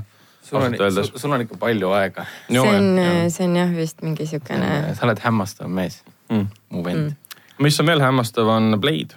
kas te mäletate Blade'i filme? Blade. Wesley, Wesley Snipes mängis oi. peaosas, neid oli kokku kolm, millest kaks olid head, ehk siis viimane oli kohutav. kolmandast ei, ei, ei, kolmandat ei pea mainima, aga no mitte, et ta nüüd no, rämps oleks olnud mm., aga ta lihtsalt läks, läks lappama väga kiiresti. aga see oli nüüd väga ammu juba, kui Urmas ilmus. Jaa. miks me temast seekord räägime, on sellepärast, et käivad kuulujutud, et Marvelil on plaanis oma R-reitinguga ehk siis alla neliteist, alla kuusteist keelatud äh, Eesti mõttes siis äh, filmide no äh, ka kaksteist, ka jah neliteist., filmide osakonnas jätkata selliste filmidega ja üks neist olevat siis Blade, mida nad tahavad taaselustada ja väidetavalt koos Wesley Snipesiga. no väga õige, sest äh, Deadpool on ju nüüd äh, nii-öelda Disney all, sest Fox kuulub Disneyle ja ma loodan küll, et kolmas Deadpool ei, ei ole vähem crazy im kui esimesed kaks. ei tohiks olla, Disney on seda korduvalt öelnud, et nad hiljuti kinnitasid ka üle, et noh, küll võtta, võtsid võtta Foxi üle, ostsid ära, aga Fox kui nimi jääb alles, seda brändi ära ei kaotata, sest ta on nii pika ajalooga ja ei võimsa muidugi, meil on meil on ju tulnukad ja meil on kõik ei no muidugi. muud asjad, et noh. ja see on minu arust väga hea uudis, sest Blade on väga kaua olnud varjusurmas, suuresti tänu kolmandale osale ja ka tänu sellele, et Wesley Snipes läks, vist oli maksupettuse eest kolmeks aastaks vangi, mis tähendas seda, et tema karjäär läks nulli. nüüd ta on viimasel ajal, ta pääses vabaks vist kaks tuhat kolmteist midagi. üritanud oma karjääri uuesti elustada, aga Hollywood ei tunne tema vastu mingit huvi. Kui no- no..., kui, kui Disney tuleb, Marvel tuleb, et me tahame sinu vastu huvi tunda, siis see on teine asi. iseasi, mis kujul äh, tegelikult Wesley Snipes äh, nii-öelda üheksakümnendate lõpu sajandi alguse action staarina nagu naaseb. ja sellepärast, et sellest ajast on ikkagi paarkümmend aastat tead juba pigem, pigem see võib. olla järjekordne mantli üleandmise. jah, ja see on see projekt. teine osa sellest uudisest ongi see, et väidetavalt on juba stsenaarium valmis, see on kõik jällegi, võtke seda veits soolaga natukene. vanen, vanen toon soola. veits on jah, soola tuleb võtta, et äh, stsenaarium olevat valmis ja see ole esialgne, esialgne versioon sellest. Ja see räägibki sellest, kuidas siis Blade äh, õpetab välja oma tütart uueks vampiirikütiks. et siis ilmselt toovad Wesley Snipes ainult sellepärast tagasi, et ta siis uuesti ära kaotada. sest noh, nagu te ütlesite, et ta ei ole enam selline staar, nagu ta vanasti oli, aga ta on väga paljude jaoks, kes hindavad nii Blade'i kui ka Wesley Snipesi kunagisi filme okei, väga suur võimas selline asi, mida panna sinna filmi juurde. tema on see Blade'i nägu ikkagi oma sellise tugevate näojoonte ja päikseprillide ja kõikide siukeste asjadega. no me, me ju kui mõtled kasvasime. tema peale kohe no. Jah. sest Blade on sünonüümne Wesley Snipesiga Mm, just omal nii. ajal, kui ma nagu, kui me kõik kasvasime üles nende filmidega ju, esimesed kaks filmi vähemalt. Steven Norrington tegi esimese, seal oli äh, Steven, kes see mängis põhipaha esimeses osas? Dorf või? Steven. Dorff, Steven Dorff jaa, Dorff ja Chris Christopherson ja Wesley. Snipes. Ja esimene osa ka, et võrreldes eh, Guillermo del Toro teise osaga, mis on eh, ääretult selline stiilne ja värvikas ja Ron Bellman ja kõik siuksed, issand kui ägedad eriefektid ja nagu efektne verepulm nii-öelda. siis esimene osa mõjus kohati isegi nagu siukse art house ilikuna võrreldes. ta mõjus rohkem õu- õudus, õudusfilmina. ta oli, ta oli räme õudusfilm jah. teine oli ikka väga stiliseeritud ja märul rohkem. Ja kolmas oli totaalne rämps, sest selle režissöör oli David S. Goyer, kes on tuntud äh, stsenarist, eriti mis puudutab superkangelase filme, näiteks Nolani siis äh, Batman'i filmid, kuhu tema kirjutas lood, mitte siis äh,, mitte jah, siis nagu stsenaariumi. kõikide DC filmide aga kõik, mida David. Goyer lavastab, on alati rämps.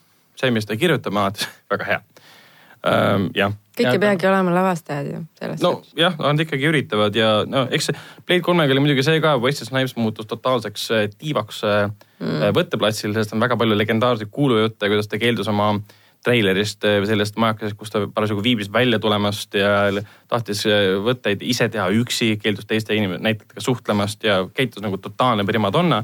ja tuli välja, et võib-olla see oligi sellepärast, et ta ei maksnud oma makse, et tal oli liiga palju raha. ometigi selles filmis oli ju Ryan Reynolds ja Jessica Biel. Ja, jah, Reynolds äh, enne Ja- kui ta tegi äh, oma renessanssi nii-öelda. Ja seal kolmandas oli ju Dracula rollis oli Dominic Purcell, kes eh, sai väga populaarseks tänu äh, põgenemise, põgenemine. Prison Break, mis on, mis on ka praegu Netflixis täiesti olemas.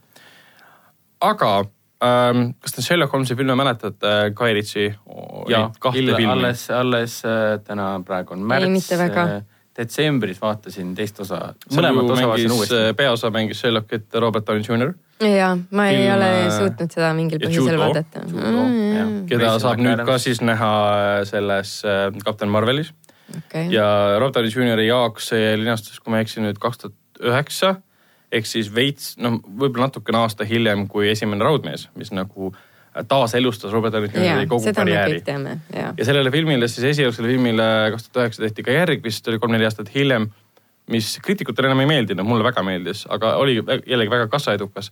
ja nüüd käivad jutud, et siis äh, on ametlikult kinnitatud, et äh, kaks tuhat kakskümmend ehk siis järgmisel aastal äh, detsembris tuleb lõpuks selle kolmas osa välja. aga tõenäoliselt pole kinnitatud, kes on režissöör, selle koha pealt oldakse Okei. vait, et Guy No. Ritchie ei pruugi naasta, sest tal on praegu tegemist äh, Aladini filmi, Aladini filmiga ja tal mingi projekt veel ees. ma väga loodan, et Ritchie tuleb tagasi, sest äh, need esimesed kaks filmi olid ikkagi väga Ritchie filmid. ses mõttes, et äh, kogu see, no ta võttis kätte ja muutis selle kolmsi täiesti enda omaks, et ma panen, võtan ta ülakeha lahti, muudan ta räpaseks, viin ta kuskile alla keldrisse kaklema, panen aegluupi ka, ehk siis teisisõnu Sherlock Holmesist sai selline Daniel Craig'ilik äh, James Bond nii-öelda. põhimõtteliselt küll jah. räpane ja valmis võib, võib ka kaklema. nii öelda jah.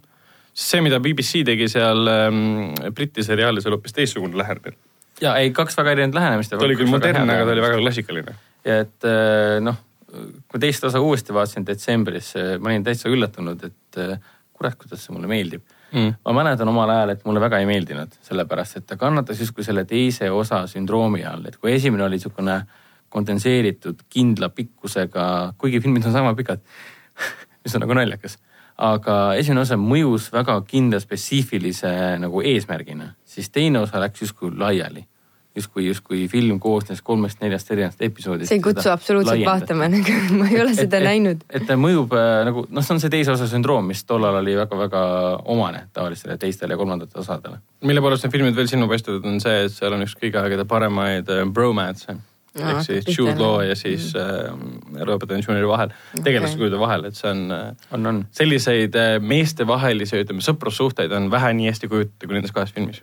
ja täpselt ja see, kuidas Ritchie äh, lavastab ja kuidas operaatori töö, kuidas luuakse sellist meeletut energiat ekraanil, kogu aeg on miski liikumises, et ei ole lihtsalt esimeses osas ma mäletan seda, et noh, alatihti on äh, kuidas, kuidas lavastada seda, kuidas tegelane jookseb trepist ülesse.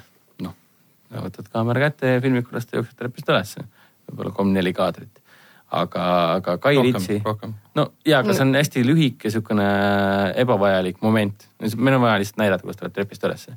aga Kai Ritsi võtab kätte ja hakkab tegema niisugust spiraali, kuidas kaamera lendab, tekitab sinu endas lendamistunde ja see on lihtsalt mõeldud selleks, et see läheb kolm siukest trepist ülesse no iga see on nagu, see on nagu hea näide selle kohta, kuivõrd palju äh, energiat ja annet tegelikult Kai Ritsi pani nendesse filmidesse sisse mm.. ma nii väga loodan, et ta tuleb tagasi ja teeb uue filmi. noh, seni on see täiesti kinnitamata, küll aga me teame, et ta tuleb detsembris eh, ja ta tuleb detsembris paar päeva pärast Avatar kolme. jah, sest Avatar kaks tuleb nüüd. pigem siis mingi nädal varem. oota, aga paned segamini või? Avatar kaks tuleb nüüd äh, järgmisel aastal ja, ah,. siis enne Avatar kahte, pärast Avatar kahte tuleb ta välja. Ehk siis ma arvan, et siin Brothers lükkab selle linastusaja veits edasi, sest keegi ei taha olla samal, samal nädalal või samal kahel nädalal, kui tuleb Avatar kaks välja, millest kujuneb tõenäoliselt jälle tohutu, tohutu suur hitt. aga no, räägime natuke Venomist. Venomi puhul on äh, veidi kurb uudis see, et äh, või siis on hea uudis, ma pole veel sellest täiesti veendunud. et algupärane režissöör, kes tegi esimese Venomi, mis osutus väga suure hitiks, mis äh, oli suht rämps, aga kuna ei no nii hull Wow. nüüd küll ei olnud Wow. ja Tom Hardy ja niimoodi ja. ei, ma kirjutasin arvustuse ka, kus ma panin pealkirjaks, et äh, see on rämps film, mille Wow. päästab täiesti Tom Hardy, sest Tom Hardy teeb peaaegu et Oscari väärilise rolli filmis, mis seda absoluutselt ei vääri.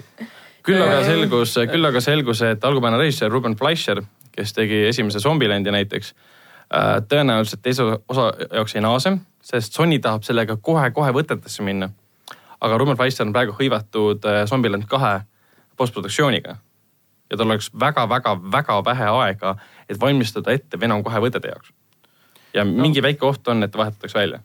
loodame, et äh, ta jääb ikka paigale, sest üldjoontes on ikkagi pigem hea märk, kui režissöör naaseb No. muidu on jälle uus visioon, uus nägu ja nii edasi. kuigi noh, see on ikkagi Hollywood, ega neil nii suurt vahet seal nagu ka ei. ja eriti nagu Venomi puhul, et seal küll mingit absoluutselt polnud tunda, et see on Ruben Fleischeri sama mees, kes tegi suurepärase ja vaimuka äh, Zombieland'i, et et see tema film oli. Gangster Squadi tegi ka. nojah, aga sa võid üldse tunda, see tema film oli mõnes mõttes jah, vahetage välja, aga mingit vahet otseselt ei ole. kui Tom Hardy tuleb tagasi ja teeb sedasama suurepärase, sama suurepärase rolli, nagu ta esimeses tegi, siis ma nüüd pean jala maha panema ja kaitsma äh, Venomit, et ma olen üks nendest, kellele Venom ikkagi väga meeldis. ja ma siiamaani ei saa aru nendest äh, ülemaailmsetest kriitikutest, kes äh, otsustasid filmile äh, Rotteni Tomatoses. tulemus oli see, et film oli rotten ja kohutavalt maha tehtud, aga ei, tegemist on, ta on niisugune süütu lõbu, ehk siis kui sulle meeldib action, kui sulle meeldib huumor ja sulle meeldib, et eh, sind viiakse kuskile teise ajastusse, sest Venom ongi justkui nagu sajandi alguse filmide hulgast välja karanud, et näe, ma olen nüüd aastas kaks tuhat kaheksateist, siis sellisel kujul töötab Venom suurepäraselt. ta on selles suhtes ikkagi niisugune nagu lihtne lugu, on üks kangelane, temaga juhtub midagi, ta ei saa aru, mis temaga juhtub. siis ta hakkab kohanema selle maailmaga ja siis ta saab aru ja siis see see maailm kohaneb temaga ja neist saavad nagu liitlased lõpuks oma selle viirusega. ja mulle iseenesest see ka meeldis, et ma ei mäleta seda hetke, et mul oleks igav olnud või et ah, kaua nad jauravad siin, et, et Jaa, selles suhtes nagu- ta läks nagu kenasti, et ma ei ütle üldse ta on küll räme klišeepauk, võib öelda nii. isegi on, on, on hullemaid klišeesid. aga, aga ütleme nii, et selle kogu film oli üks paras klišeepauk, kõik, mis siin Mm. arenes, oli klišeepauk. aga see on ka oskus tegelikult, kas asi muutub klišeeliseks ehk siis igavaks või siis ta, asi on klišeeline, aga sa näed, kuidas siis filmitegijad on mõnuga seda teinud Jah. ja tunnevad rõõmu sellest, et näed, me te, to, toome teile veits retrot, sajandi alguse retrot. et midagi ikkagi toimus kogu aeg ja, ja, ja vist oli twiste ka, ma muidugi nii hästi ei mäleta enam, aga, aga Te olete väga helded selle filmi suhtes. ei, ta oli, mina olin temas lihtsalt pettunud, sest ta oli superkangelase filmina ja sünniloona äh, võrreldes sellega, mida varem tehtud ja kuivõrd palju paremini nad tehtud olid, see oli üsna kehv. Ja tõenäoliselt oli selle taga süüdi äh, kurikuulus äh, Sony superkangelase filmi produtsent Avi Arad, kes on tuntud selle poolest, et ta rikub filmid ära mm. nii nagu tegi Spider-man kolmega, siis ta tegi Amazing Spider-man ühe ja Amazing Spider-man kahega. tema on teada-tuntud selle poolest, et tema seisis selle taga, et aga mind ei huvita, mida sina, tuntud režissöör, autori nägemusega arvad, et ma tahan asju, neid asju sisse panna, ma tean, et müüvad hästi ja siis tule- tulemus on selline segapudru ja. võib-olla tõesti, aga taaskord ma nagu armastan ennast korrata, et ta on üks nendest filmidest, ta kuulub minu, minu silmis ta kuulub nende- sellesse kategooriasse. sa vaatad filmi ära ja siis sa mõtled, et issand, miks, miks teda nii halvasti hinnatakse. jaa, kindlasti on ega see nagu väga tähtsust ei olegi, ta teenis äh, peaaegu et miljardi kino. ja, ei muidugi raha räägib enda eest, jaa. aga, aga ta on ausalt nagu siiralt nagu, ma läheksin isegi nii kaugele, et öelda, et ta on, ta on subjektiiv, vabandust, objektiivses mõttes äh, on äh, tegemist täiesti korraliku filmiga ja ei ole põhjust seda nagu vihata. ei ole, ei Nagu- seda küll ei ole. et see on, kuigi noh, jah, ma ei hakka rääkima asjadest, mis on minu meelest objektiivsed tõed. oi, vot, aga jätkame, jätkame Terminaator kuuega, mis on film, päris film, see See on tuleb välja, tuleb Ei taha välja. uskuda. oot-oot-oot, ütle seda uuesti, see on see on päris film see on või? päris film, millest me ei ole mitte midagi näinud peale mõne amet, ühe ametliku foto.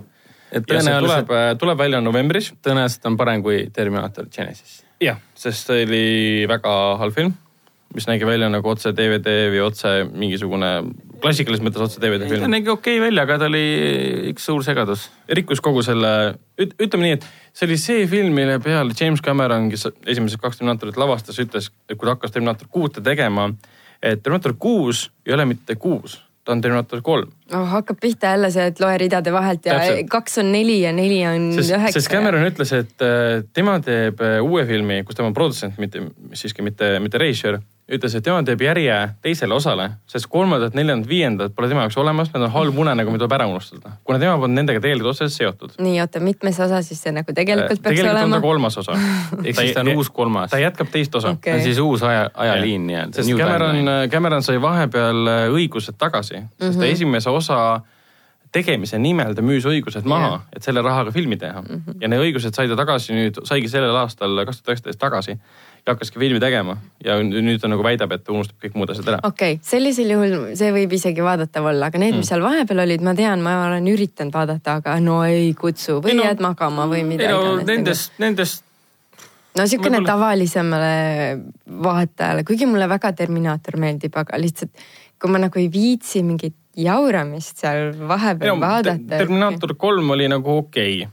Ta lihtsalt kordas väga palju teist osa,. Terminaator kolm on justkui teise osa äh, uus versioon. Terminaator neli oli sellepärast huvitav, et ta lõpuks läks sinna kaugesse tulevikku no mida iga kord on vihjatud, aga ta osutus lihtsalt selliseks väga ilusa väljanägemisega action filmiks No. no., aga mitte eriti heaks No. no. Terminaatori no ta filmiks. läks siukseks segapudruks jälle kus siis täpselt ei teatud jälle, mida Jah, oma. miks mind peaks kottima? mida, mida teha siis sellega. tuli viies osa, mille ametlik pealkiri oligi siis Terminaator Changes mm, Mhm. -hmm. mis, Genesis. Genesis, mis segas kokku niivõrd erinevaid teemasid ja rikkus kogu selle Terminaatori ajalise narratiivi ära, karakterite taustad ära, muutis absoluutselt kõike No, kasvõi, see ei ole isegi spoiler enam, ma võin seda ilmselt mainida, muutis John Connori Terminaatoriks. John Aa, Connor ehk siis okei. see, keda esimeses pidi Päästma. sündimata kujul päästma Jah., kes teises põhimõtteliselt oli väike poiss, keda pidi päästma, sest ta on tulevane siis juht, kes aitab inimkonna võidelda Skyneti juhitud mm. robotite armee ja siis vastu. kolmandas oli juba täiskasvanud, keda taaskord oli vaja ja päästa. siis tuli välja, et ta oli ühel hetkel muudetud Terminaatoriks ja see läks nii jaburaks, saadi aru, et inimesed ei olnud, need filmitegijad polnud absoluutselt keskendunud stsenaariumile, lihtsalt sellele, et toome Schwarzeneggeri tagasi, näitame hästi palju efekte. samas, samas see on naljakas, et äh, Cameron tuleb nüüd esimese Deadpooli filmi režissööriga Tim Milleriga tagasi ja teeb siis nii-öelda uue kolmanda osa ehk siis nagu uue ajaliini. nagu naljakas on sellepärast, et äh, Terminator Genesis ehk siis, mis ta on siis nüüd viies osa, tegi tegelikult juba seda. Ehk siis, ehk siis äh, Genesis viies osa läks tagasi esimesse ossa no aga äkki on ja siis, tegi uued ajaliinid, et siis luua uut sisu. Aga- see on nagu mingi meta uus versioon. ei see on originaali originaal, vaata, et see peaks Jah. olema nagu parem või, või jah, me teeme uue, uue toote et see see kõlab tõesti midagi sihukest, mida ma isegi vist tahaks vaadata, aga need, mis seal vahepeal olid, need mingisugune läust. ei no need on täiesti täiesti vaadatavad filmid siiski, välja arvatud viies. ma arvan, et mul on see, see tunne, mis sinul on nagu Venomiga, et minul on nagu see tunne Aa. praegu sinnakanti, et. et kui Terminaatorit vaadata, siis ikka esimesed kaks ja loodetavasti uus, uus kolm on ka. jah Mm. just. muidugi ei tasu mainimata jätta ka seda, et kunagi jooksis äh, kaks hooaega sihuke tore seriaal nagu äh, Terminator The Sarah Connor Chronicles. mida, mida, kas sa vaatasid ka Helen seda või? ma ei vaadanud vist väga, aga ma mäletan, et meie see, tuli. meie vennaga vaatasime seda väga-väga usinalt ja selle tegevus ju leidis aset, Ragnar, paranda mind nüüd. see leidis ju aset enne, enne teist osa või?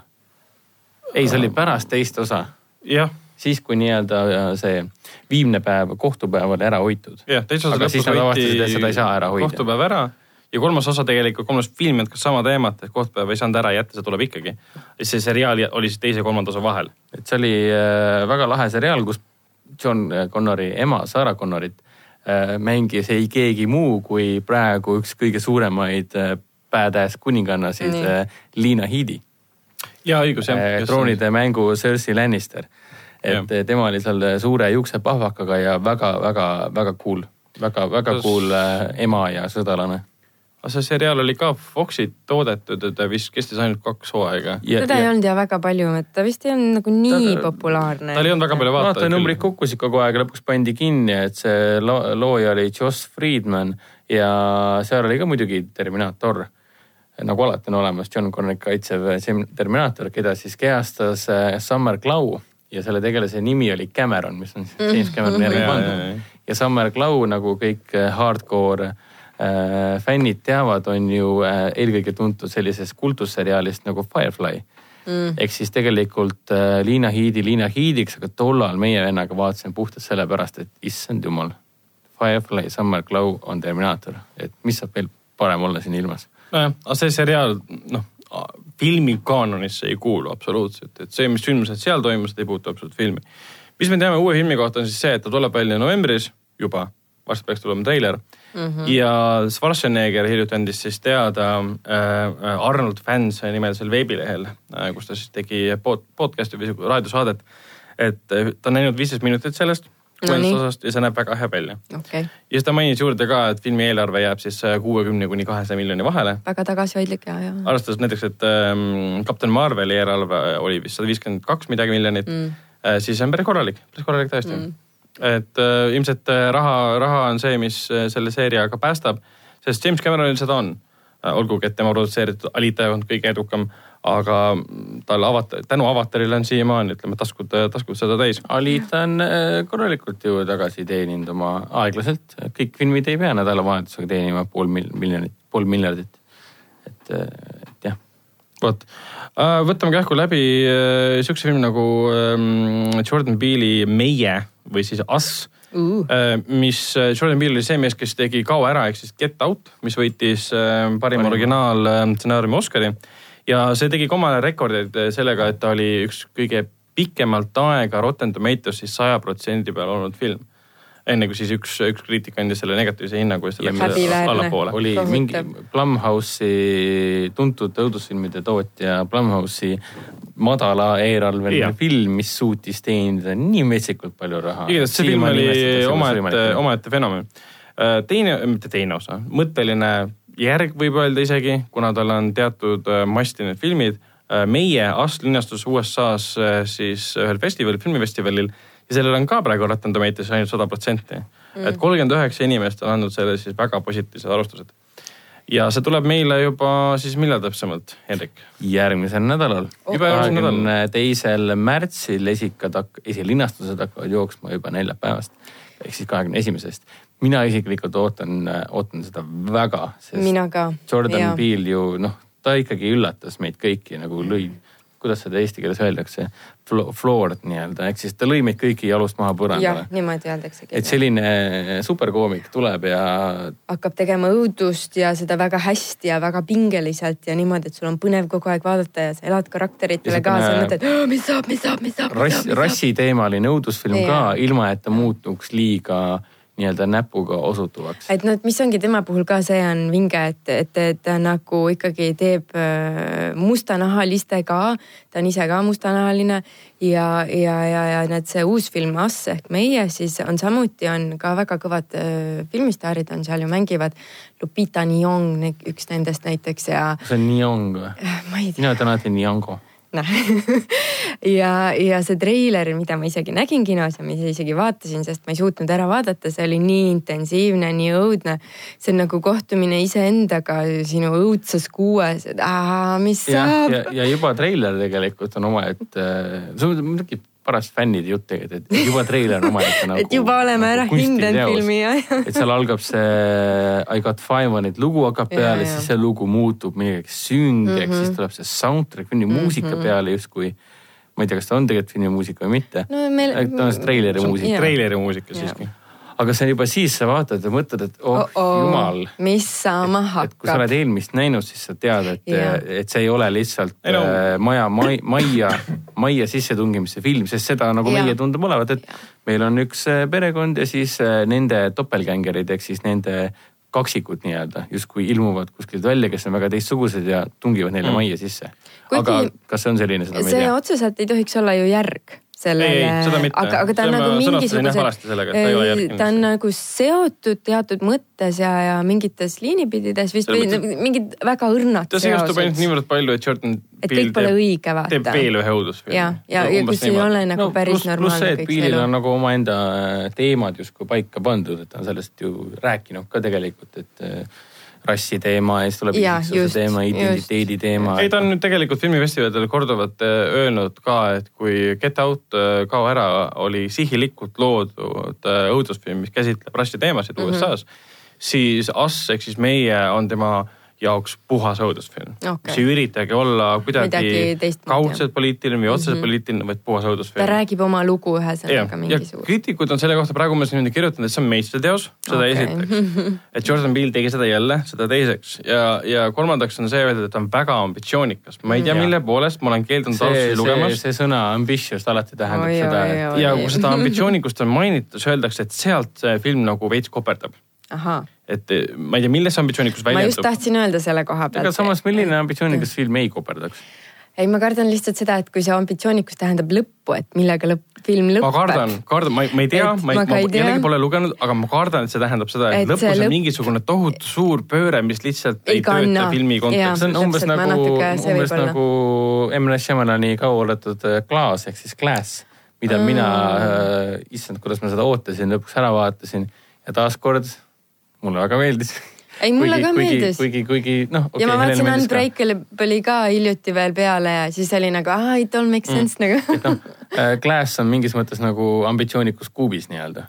Ja, selles suhtes küll jah. see on muidugi puhas ootuste küsimus, et mm. kuna Jordan Peele suutis, suutis äh, Get Out'iga ootused nüüd lakke viia, jah, siis tõenäoliselt me lähemegi samade ootustega vaatama seda järgmist filmi. ei mina ei lähe, ma ei lähe, ma täitsa okay. puhtalt lehelt lähen. no mina lähen. kui tuleb veel mõni treiler välja, siis ma ei vaata seda kindlasti, et seda, et ma ühe nägin, see on nagu kõik, ma ei taha rohkem ma teada olen, ma olen juba teist või kolmandat treilerit ka vaadanud, seal natuke läheb äh, šš, spoileri valdkonda. ma olen, ma olen ainult, ainult põhitreilerit vaadanud ja siis, kui oli see mm, ameeriklaste seesamune football noh, äh,, Super Bowl Aa, okei. siis seal äh,, vabandust, Pau. vabandust, vabandust, seal näidati ühte, mis ta oli, nelikümmend sekundit, viiskümmend sekundit eh, treilerit, seda ma rohkem pole vaadanud ega taha ka vaadata mm. -hmm. õige. mis on nagu lahe ka, mis näitlejad meil siin on, et Lupita Nyong'o on tegelikult nagu meie aja üks kõige. ja tema rolli nimetatakse selles filmis juba Oscari vääriliseks. okei okay,, taaskord no igal pool, kus ta on, ta on Oscari vääriline, olgu see siis Must Panther kasvõi, et noh, seal ta oli ka julmalt, julmalt äge, et noh mm -hmm.. Lupita Nyong'o ei olnud Mustas pandis Oscari vääriline. See film. ei, ei, ma ei öelnud, et ta Oscari vääriline, ma ütlesin seda, et ta on igal pool julmalt, julmalt äge. ma isegi ei ta mäleta. on alati meeldejääv, tal oli nii tore võimas aktsent seal ja, ja kusjuures äh, sa ei mäleta Lupita Nyong'o tegelast. ta oli taustal olev kõrvaltegelane, kellele ei pööratud oli väga toet, tähelepanu. toetav karakter meie peategelasele, Mustale Pantrile, see oli see tulevane printsess. no seda, Remember? seda ma just praegu ütlesin. okei okay. ah,. sellest, sel teemal peame sinuga rohkem rääkima, et kas Must Panther on siis äh, nagu mina tean, väga hea film või siis äh, mul vend ei saa aru, mis on head. Aga selge on- mis ma tahtsin ka öelda seda, et tegelikult äh, seesamune Us on ju äh, justkui comeback äh, Musta Pantri äh, näitlejatele. sest meil on Lupita Nyong'o ja küll. siin mängib äh, Nyong'o tegelase abikaasat mängib ju Winston Duke kes mängis siis seda Mbakut äh, Mustas mantris see. on siis gorilla, gorilla Mbaku sealt Mustast Pantist, kes oli ääretult stiilne kuju. Gorilla Mbuga, see oli tema tegelaskuju nimi või? teda kutsuti selliseks jah ah., Great Gorilla, Great Gorilla aa, see oli see mägirahvas, ja, ja täpselt, täpselt., et, et äh, ta on ikka ääretult äh, pikk ja vägev tüüp, et äh, tahaks näha, millega Mm. ta siin hakkama saab. igatahes see, seesamune kurikas oli tal treileris käes, et äh, action'id jah seal.. Mhm. aga kas te tahaksite näha ka National Treasure ehk siis, issand, mis ta eesti keeles oli? rahvuslik aare. rahvuslik aare eh, kolmandat osa. ei, see on see Nicolas Cage'i. kas sellel ei olegi kolmandat osa? ei, see on see Nicolas Cage'i ja siis superprodutsent äh, Jackie Bro-, Jackie, Jerry Bruckheimeri produtseeritud koos Disneyga siis seeria, mis elustas päris kõvasti Cage'i karjääri, mis praegu põhimõtteliselt on umbes seal, kus oli Mandy. mulle kunagi Cage väga meeldis. Ja muidugi kõigile väga meeldis. hot mees oli. Cage on Aga-, Cage on jätkuvalt üks meie aja aga kuna rahvuslik aare parimaid ja veidramaid näitlejaid. jah, aga kuna rahvuslik aare oli väga edukas ja ta oli väga edukas noorte seas ja laste seas, sest ta oli väga, kuidas nüüd öelda, lastesõbralik täpselt. ja ta on nii, nii-öelda õpetlik ka oma pseudoajaloolisuses ta tutvustas USA või Ameerika ajalugu, pluss esimeses osas nad röövisid siis selle iseseisvusdeklaratsiooni, kuna seal taga oli mingi aarde mm. -hmm. aare, aare, aarde asukoht paigutatud või midagi laadset. teises osas ta siis äh, kasutas John Voight'i abi või, või Leed Harrise abi, et siis äh, puhastada oma perekonnanimi, mis Aa, olevat seotud mingisuguse suure tragöödiaga, tragöödia. aga hiljuti nüüd äh, jällegi, kui Disney aktsionärid said kokku ja räägiti siis äh, tulevikuplaanidest, siis levisid äh, sealt nagu raportid, keegi nagu linnuke rääkis edasi erinevatele uudistesaitidele, et äh, Disney bossil Bob Igeril on äh, plaanis suhelda jällegi Jerry Bruckheimeriga, kes on tuntud ka selle poolest, et ta produtseeris Krimmi piraadifilmid, et teha siis äh, rahvuslikule aardele kolmas osa. okei, ja mul on seda vaja, miks? ei no minu jaoks on see, et see on lapsepõlvefilm, et see on päris lahe, et nüüd tuuakse see tagasi. okei. teiselt poolt jälle see, et äkki, äkki ei ole vaja kõike tagasi tuua, et tehke uusi äkki oleks filme. aeg midagi uut teha nagu? jah, aga mõnes mõttes on väga vana seeria juba, sest äh, suva. kak-, teine osa tuli kaks tuhat, kaks tuhat kaheksa, kaks tuhat seitse tuli teine osa Mm, et seal on väga palju aega möödas. on.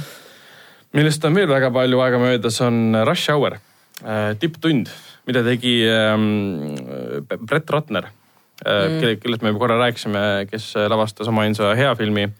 ja, aga Rush Houri filmid. on samuti ju väga hea näide Brett Outeri headest filmidest.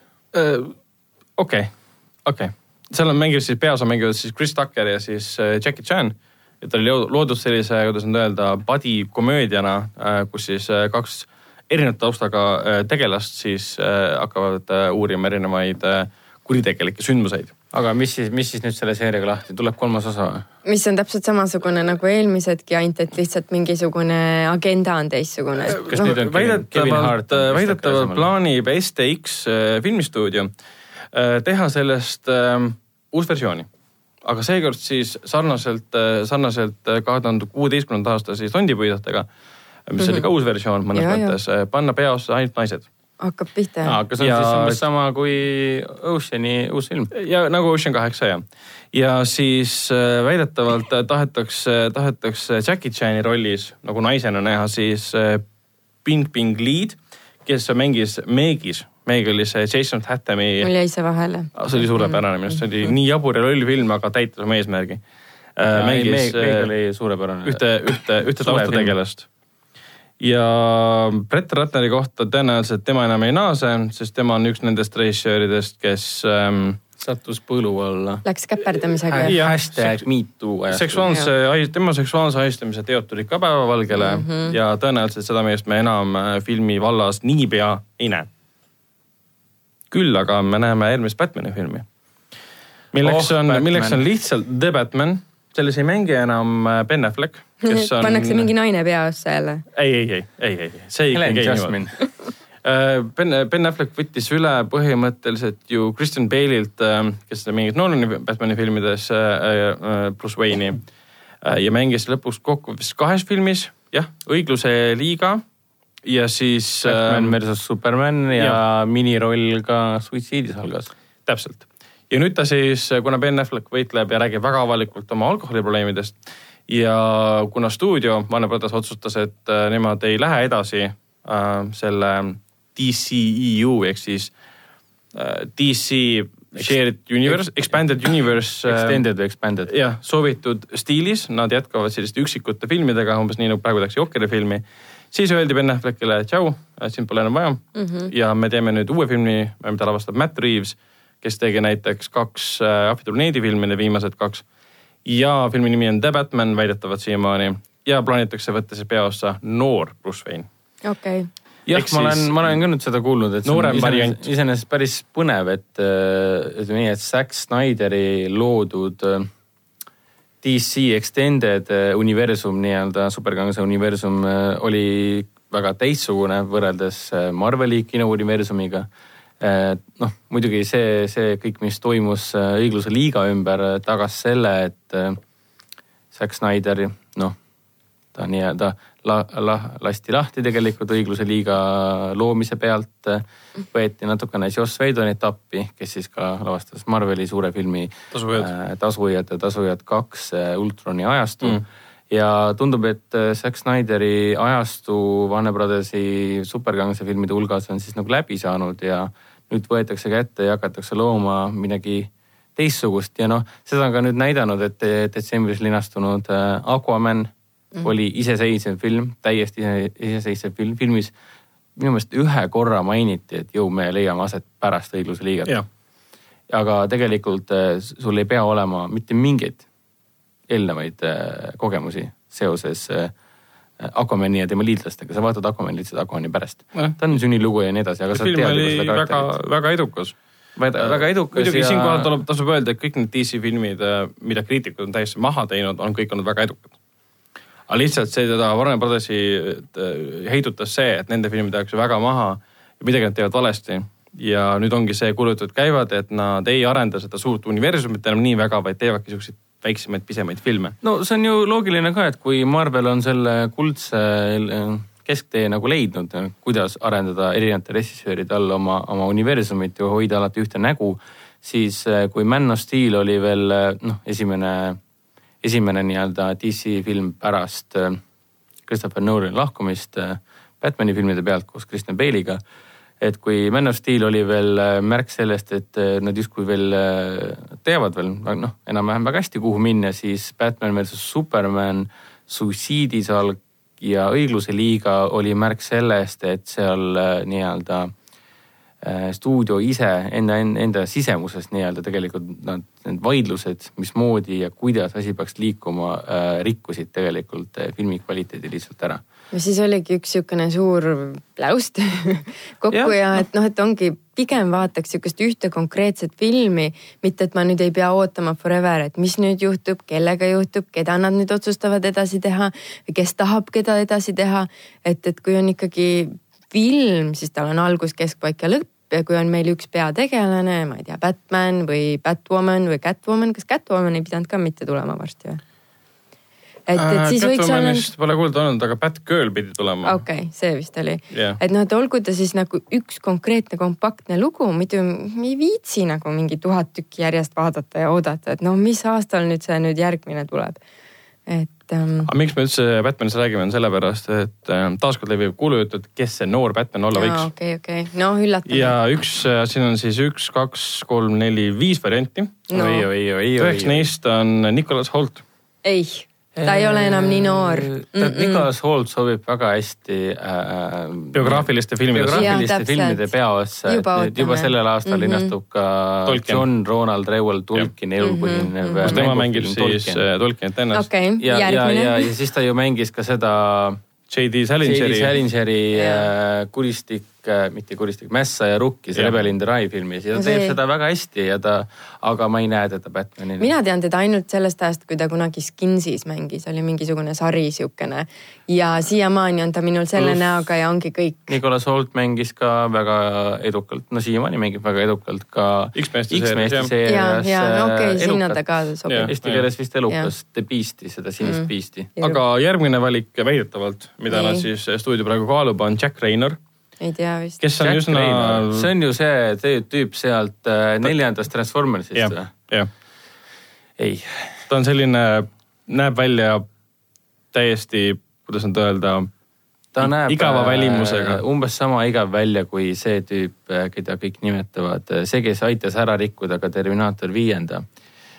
Mis on selle härra, härrasmehe nimi, kelle parim roll on ah, siis Jay, Jay Courtney. Jay Courtney, kelle parim roll on Suicide Salgas, aga Jah. kõik ülejäänud filmid, tema, see on see mees, kes rikkus ära kaks frantsiisi. üks, üks oli Die Hard viies Jah. ja teine oli siis Terminaator. teda nimetatakse tegelikult äh, frantsiisi mürgiks. see on jah, franchise see poison. kõlab küll nagu jah ehk siis ma ei, palju, päris paljud inimesed internetis vabandust, on küsinud, et miks talle tööd aga antakse. kas see noor ei peaks mingi ülinoor olema tõesti nagu Tom Holland või midagi siukest või? teoorias küll, näiteks üks valik ongi Aleksander Ludvig, kes on äh, kahekümne kuue aastane ja tema on mänginud näiteks Hunger Gamesis ja teisi ja Viikingite seriaalis äh,.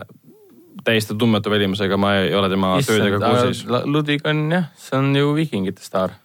ja üks valik on näiteks veel äh, Jack O'Connell, kes on üsna tuntud näitleja, keda me oleme näinud näiteks ajaloolises sõjafilmis Seitsekümmend üks. War Horse. ja täpselt War Horse ja Angelina Jolie ajalooline poolbiograafiline, ei no päris biograafiline film Unbroken. et tema on tegelikult päris äge näitleja, minule, minule meeldiks teda näha Batman'i rollis. aga mina ei tea, minule ta küll ei ühtegi neist. oota, aga need on kõik sümpatiseeruks. või? üks on veel, no Aaron Taylor Johnson. Kick-Ass. tema, kes mängis Kick-Assis ja mängis ka, mängis ka selles ähm, Nocturnal Animals näiteks jah, ähm,. ta mängis ka Quicksilverit äh, tasujate teises filmis äh,, kus ta, kus me teda Savages äh,, Oliver Stone'i film näiteks oli. ei ole, ei näe teda. ei, mina ka ei näe, ta on pigem nagu mingi fifty või sixty shades of grey pigem kakskümmend osa. aga ta on ka kahekümne kaheksa aastane ainult. Mina ei tea, mina kujutan ette, et kui nad ikka teevad noort Batman'i, siis ta olgu mingi kakskümmend, kus ta ei oska midagi teha, ei saa midagi asjadest aru ja naistest ja nii edasi. see on huvitav, et sa mainisid praegu Fifty Shades of Grey'd seoses Aaron Taylor Johnsoniga, sest Aaron Taylor Johnson on otseses mõttes esimese Halli varjundi raamatu ekraniseeringu režissööriga abielus. ja ma tean, ma tahtsin seda mainida, seda ma mõtlesingi. ma ei tea, miks see Aga- mulle pähe kargas, see tundus äh, piisavalt huvitav fakt, mida tänases saates Jah. mainida. mis on kindlasti veel huvitav, kuna me juba Batmanist äh, rääkisime, siis äh, Christopher Nolani uuest filmist pole mitte midagi teada. välja arvatud see, et ta linastub aastal kaks tuhat kakskümmend ehk siis juba järgmisel aastal. vahepeal kuu on teada või? ähm,. Nad pole veel võtteski, aga juba teavad, millal nagu linastuma hakkab, jah? okei äh,. vist kuu pole ka teada, on aasta teada. ja on teada seda, et äh, vahepeal levisid äh, nii-öelda valeinfo, mille kohaselt siis väideti, et see on film on äh, um, äh, nagu North by Northwest, mis on siis Ahah, Alfred Hitchcocki Hitchcock. film mm -hmm. pluss Nolan, Nolan enda film Inception. aga ma olen seda juttu kuulnud. ja pidi olema romantiline, romantilise kallakuga film. kuule, aga siin on täitsa kirjas, et äh, seitseteist juuli kaks tuhat kakskümmend. Ja see jutt, et ta on nagu North by Northwest pluss Inception ja on romantiline, on täiesti vale mm. -hmm. vähemalt Nolani esindajad ütlevad, et see on mingisugune passakas välja imetud jutt kust see tuli siis?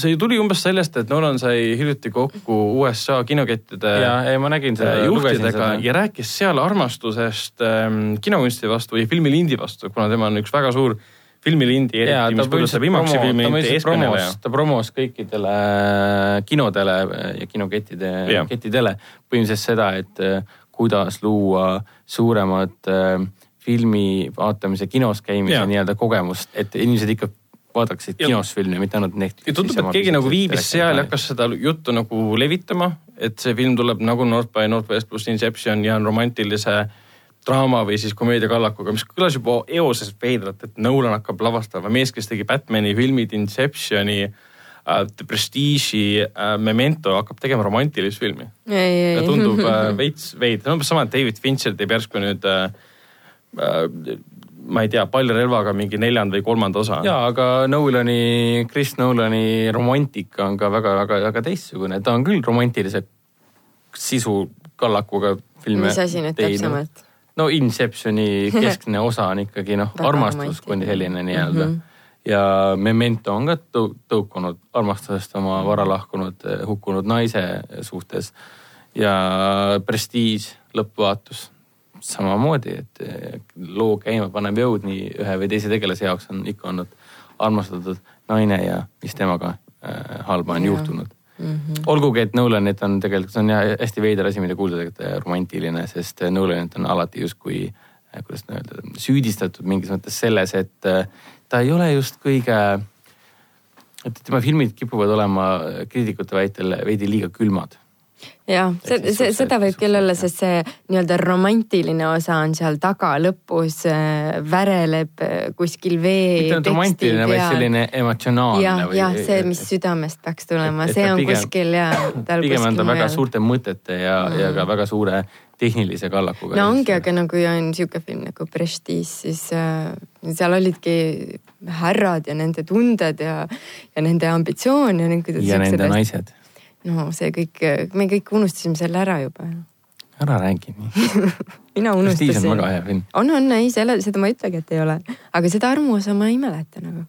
aga mis te arvate, mis see Nolani uus film olla võib? ma arvan, et see ei ole mingisugune superkangelas või koomiksifilm. ei, see on tõenäoliselt samasugune originaalne uus film nagu Inception ja Dunkirk. või, äkki on hoopis, Interstellar. jah, ma just tahtsin öelda, et Marsile minek või mingisugune äkki ta teeb jälle ulmeka. ja, ja, ja. sest noh. Out of space täiesti. nojah, Inception oli ka ulmekas. no raske öelda ka, et vaata, meil on Inception, meil on Interstellar, meil on Dunkirk, siit ei saa nagu mingit valemit Mhm. ka kokku panna. Oleneb, mis loo peale ta satub. siis on ajalugu. mm.. Et igatahes, mis iganes see on, see tuleb huvitav, samamoodi nagu võib huvitav olla Marveli siis tegelaskuju Black Widow film, kus mängib Scarlett Johansson peaosas, kus ta on Scarlett Johansson peaosas ja väidetavalt siis Marvel tahab tema kõrvalosas äh, näha Emma Watsonit ehk siis meile armastatud Harry Potteri seeria Hermione'it ähm,. keegi ei tea, mis roll see on, mis endast kujutab, keda ta täpselt kehastab. see film on valmimas, sellel ei ole R-reitingut, nii nagu vahepeal info lekkis, mille kohta siis Kevin Feige, Marveli president ütles kohe, et see on vale jutt. küll aga see film on tulemas, selle mm, režissöör on Kate äh, Short, Shortland, kes tegi näiteks sellise filmi nagu Loore, mida ma mäletan, kas siis PÖFFilt, mulle tundub. ma ei tea, Emma Watson Marveli filmis minu arust on täitsa tore mõte. jah, ja ei no see on nüüd tore näha, et Marvel sai maha oma esimese naiskangelase filmiga Kapten Marvel ja nüüd jätkavad samas vaimus edasi. ja seda meil hetkel siin kinouniversumites äh, ongi vaja. Nad oleks võinud muidugi selle Black Widow filmi juba teha siis, kui nad tegid sellega ma olen nõus, et selle oleks võinud juba viis aastat tagasi teha. No täpselt jah. aga noh, parem, parem hilja kui mitte kunagi. aga mis on veel väga huvitav, on see, et Amazon äh, teeb praegu Sõrmuste isanda teleseriaali, mis väidetavalt on mitu hooaega praegu plaanis. väidetavalt on esimese hooaja eelarve üks miljard, mis on veider, sest näiteks äh, Troonide mängu viimane hooaeg, mis alustab neliteist aprill, eelarve on kaheksakümmend miljonit. ja, ja Amazon teeb ühe hooaja Sõrmuste isandast, mis on miljard. no äkki nad maksid eh, pool sellest rahast eh, honorarina või No, no, õigustena. võimalik, see on see, mis Tolkieni selle nii-öelda mm, õiguste omanikuga, tema poeg on praegu veel elus ja siis tema pojapoeg ja nii edasi. Nemad on väga-väga kümne kümnega hoiavad kinni äh, isa ja vanaisa loodust no mis on ega täiesti see, ega arusaadav. see odav ei olnud Jah. äh, Chris, Christopher Tolkienilt äh, saada see luba, et seda osta. jah, aga Amazon on seda seriaali praegu tegemas, näitlejate kohta mitte midagi ei tea, me ei tea, millal see linastub, me teame lihtsalt eelarvet. küll aga, kui see esimest korda välja kuulutati, arvati, et Amazon teeb lihtsalt sõnumit anda filmid uuesti seriaaliks, samad tegelaskujud, uued näitlejad. no see oli lihtsalt internetist levinud kulutuli see. tundus kõige lihtsam. see, noh, Ja see, nüüd- aga see ei ole kunagi Jah. olnud Amazoni poolt ja välja. nüüd siis äh, Amazon jagas oma Twitteris äh, pilti äh, selle seriaali siis kaardist, kus see tegevus leiab aset. Ja sellel kaardil aseb, asetseb Numenori saar, mis äh, hävines äh, keskmaa siis äh, teise ajastu ajal. Okei, ja kuna sõrmutisand leiab aset kolmandas ajastus, Mhm. siis on, ta leiab umbes tuhat aastat enne aset, kui sõrmutisanda sündmused, see seriaal. Ehk siis seal võib olla tõenäoliselt noor Aragorn või Aragorni eellased. ei, Aragorn äh, ei sündinud teisel ajastul. ta sündis kolmandal ajastul tegelikult, aga noh, ta võib minna kolmandas algusesse. eellased, eellased on küll teema. jah, ja suure tõenäosusega see, see seriaal räägib sellest, kuidas Sauron esmakordselt võimule tuli mm. -hmm. kuna sõnutisenda filmid rääkisid sellest, et Sauron oli kunagi hävitatud, tuleb tagasi.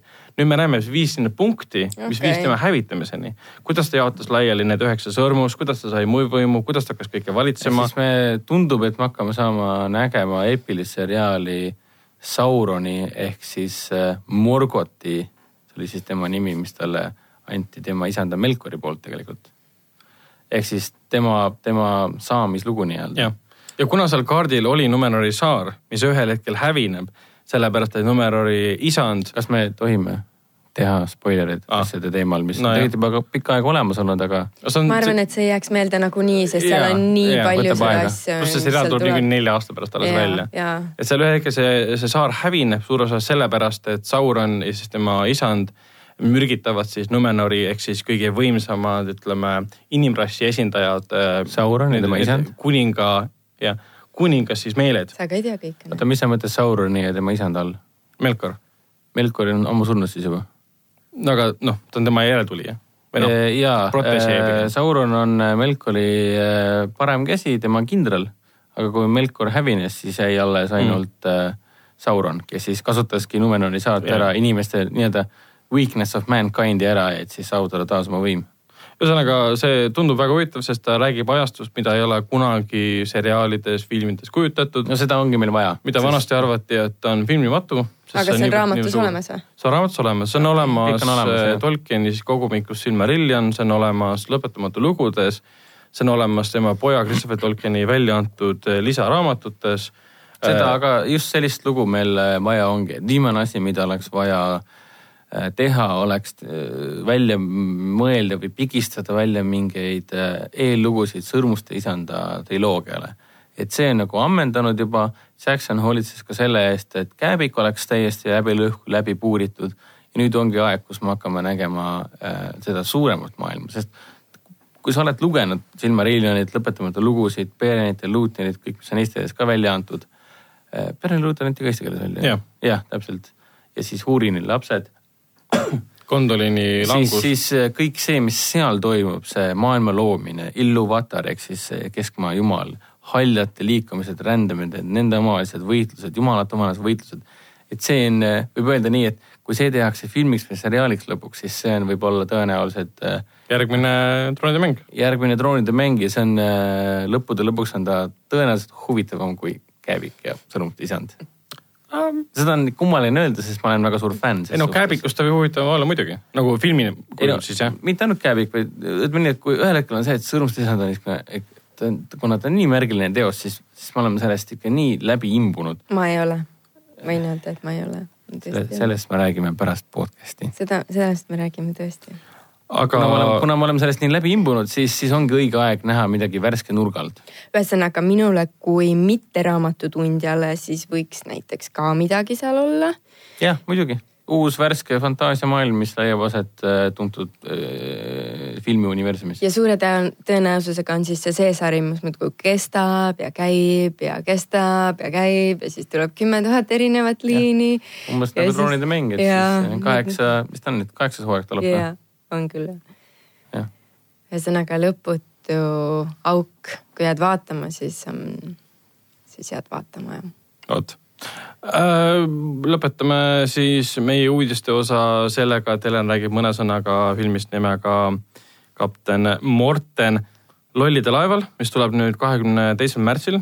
Helen on seda natuke näinud, no mitte natuke mina näinud, täiesti näinud. filmi PÖFFil., animatsiooni siis. jah, nägin äh, pressilinastusel ja käisin vaatamas, oli PÖFFi ajal. PÖFFi ajal just äh,, oli siis ähm, inglisekeelne variant ehk siis Iiri, Iiri näitlejatega, nagu ma aru saan ähm,. see oli siis see rahvusvaheline ja see versioon. oli ja. siis Eestis, mis linastub, on siis tavaline eesti keel. ja siis nagu ma aru sain, siis ka inglise keel on pigem originaalkeel sellele mm. -hmm. Sellele teosele. ma arvan, et äh, ma kommenteeriks lähemalt seda siis, kui see juba kinodes on ja kui kõik seda näinud on või siis ruttavad vaatama seda. et äh, ma ei taha tahad pinget tekitada? ma tahan meeletut pinget tekitada, sest äh, tegemist on äh, ju ikkagi nukuanimatsiooniga, et ei ole ähm, arvutiga loodud, et on päris nukud ehitatud või noh, meisterdatud ja siis need äh, sinna tantsima, kõndima, laulma, jooksma, mis iganes tehtud, et ähm, et see on natukene teistsugune kogemus, et äh, võib-olla nukufilmi on natukene raske vaadata, sest äh, üks vahet pole, kui hästi ta tehtud on.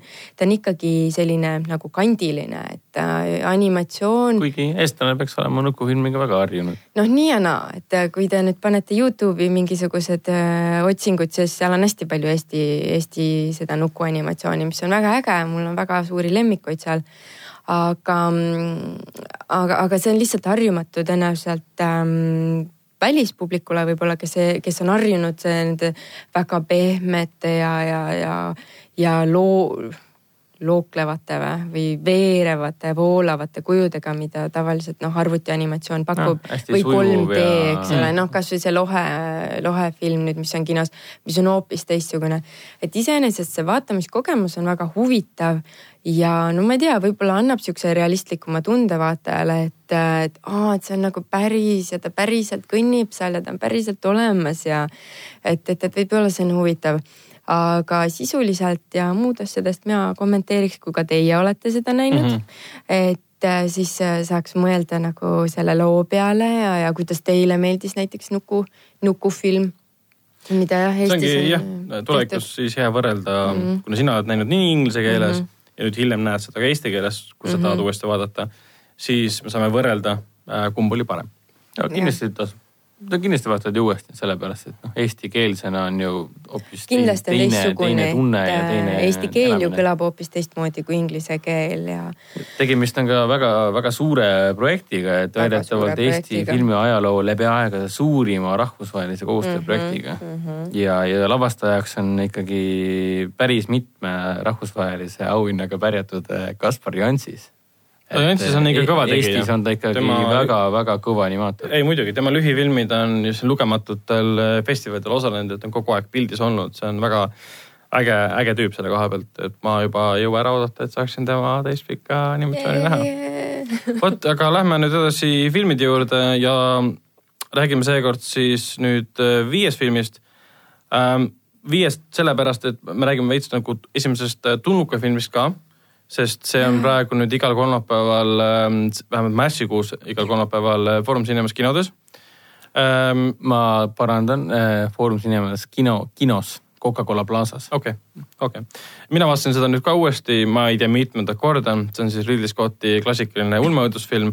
Äh, ja tegelikult me vaatasime seda koos ja. Heleni ja siis Henrikuga ja minu arust no täiesti aegumatu film no.. okei okay,, mõned efektid tunduvad natukene aegunud ei, nagu näiteks. no lõpus see, kus tulnukas, tulnukas lendab välja, on ilmselgelt näha, et see on kumminukk umbes. aga see ongi see kõige suurem võlu selle asja juures, sest ma just rääkisin nukufilmist nagu. pluss, pluss see ka, et vaata alguses noh, me vaatasime Escape saalis äh, Coca-Cola Plazas möödunud kolmapäeval.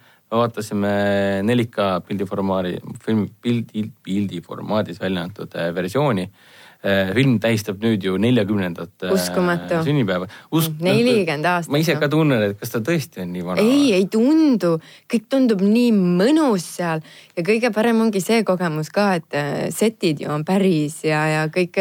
kõik on ju miniatuurid vidinad, ja kõik on, kõik on päris. kõik, kõik tossud, valgused, vihmad, noh, kõik no, asjad see.... see, mis on päris muidugi, see annab muidugi nelikümmend aastat hiljem nagu tunda ka, et sa oled seal Escape saalis ja vaatad 4K-s, aga mm. sellest sõltumata 4K või mitte.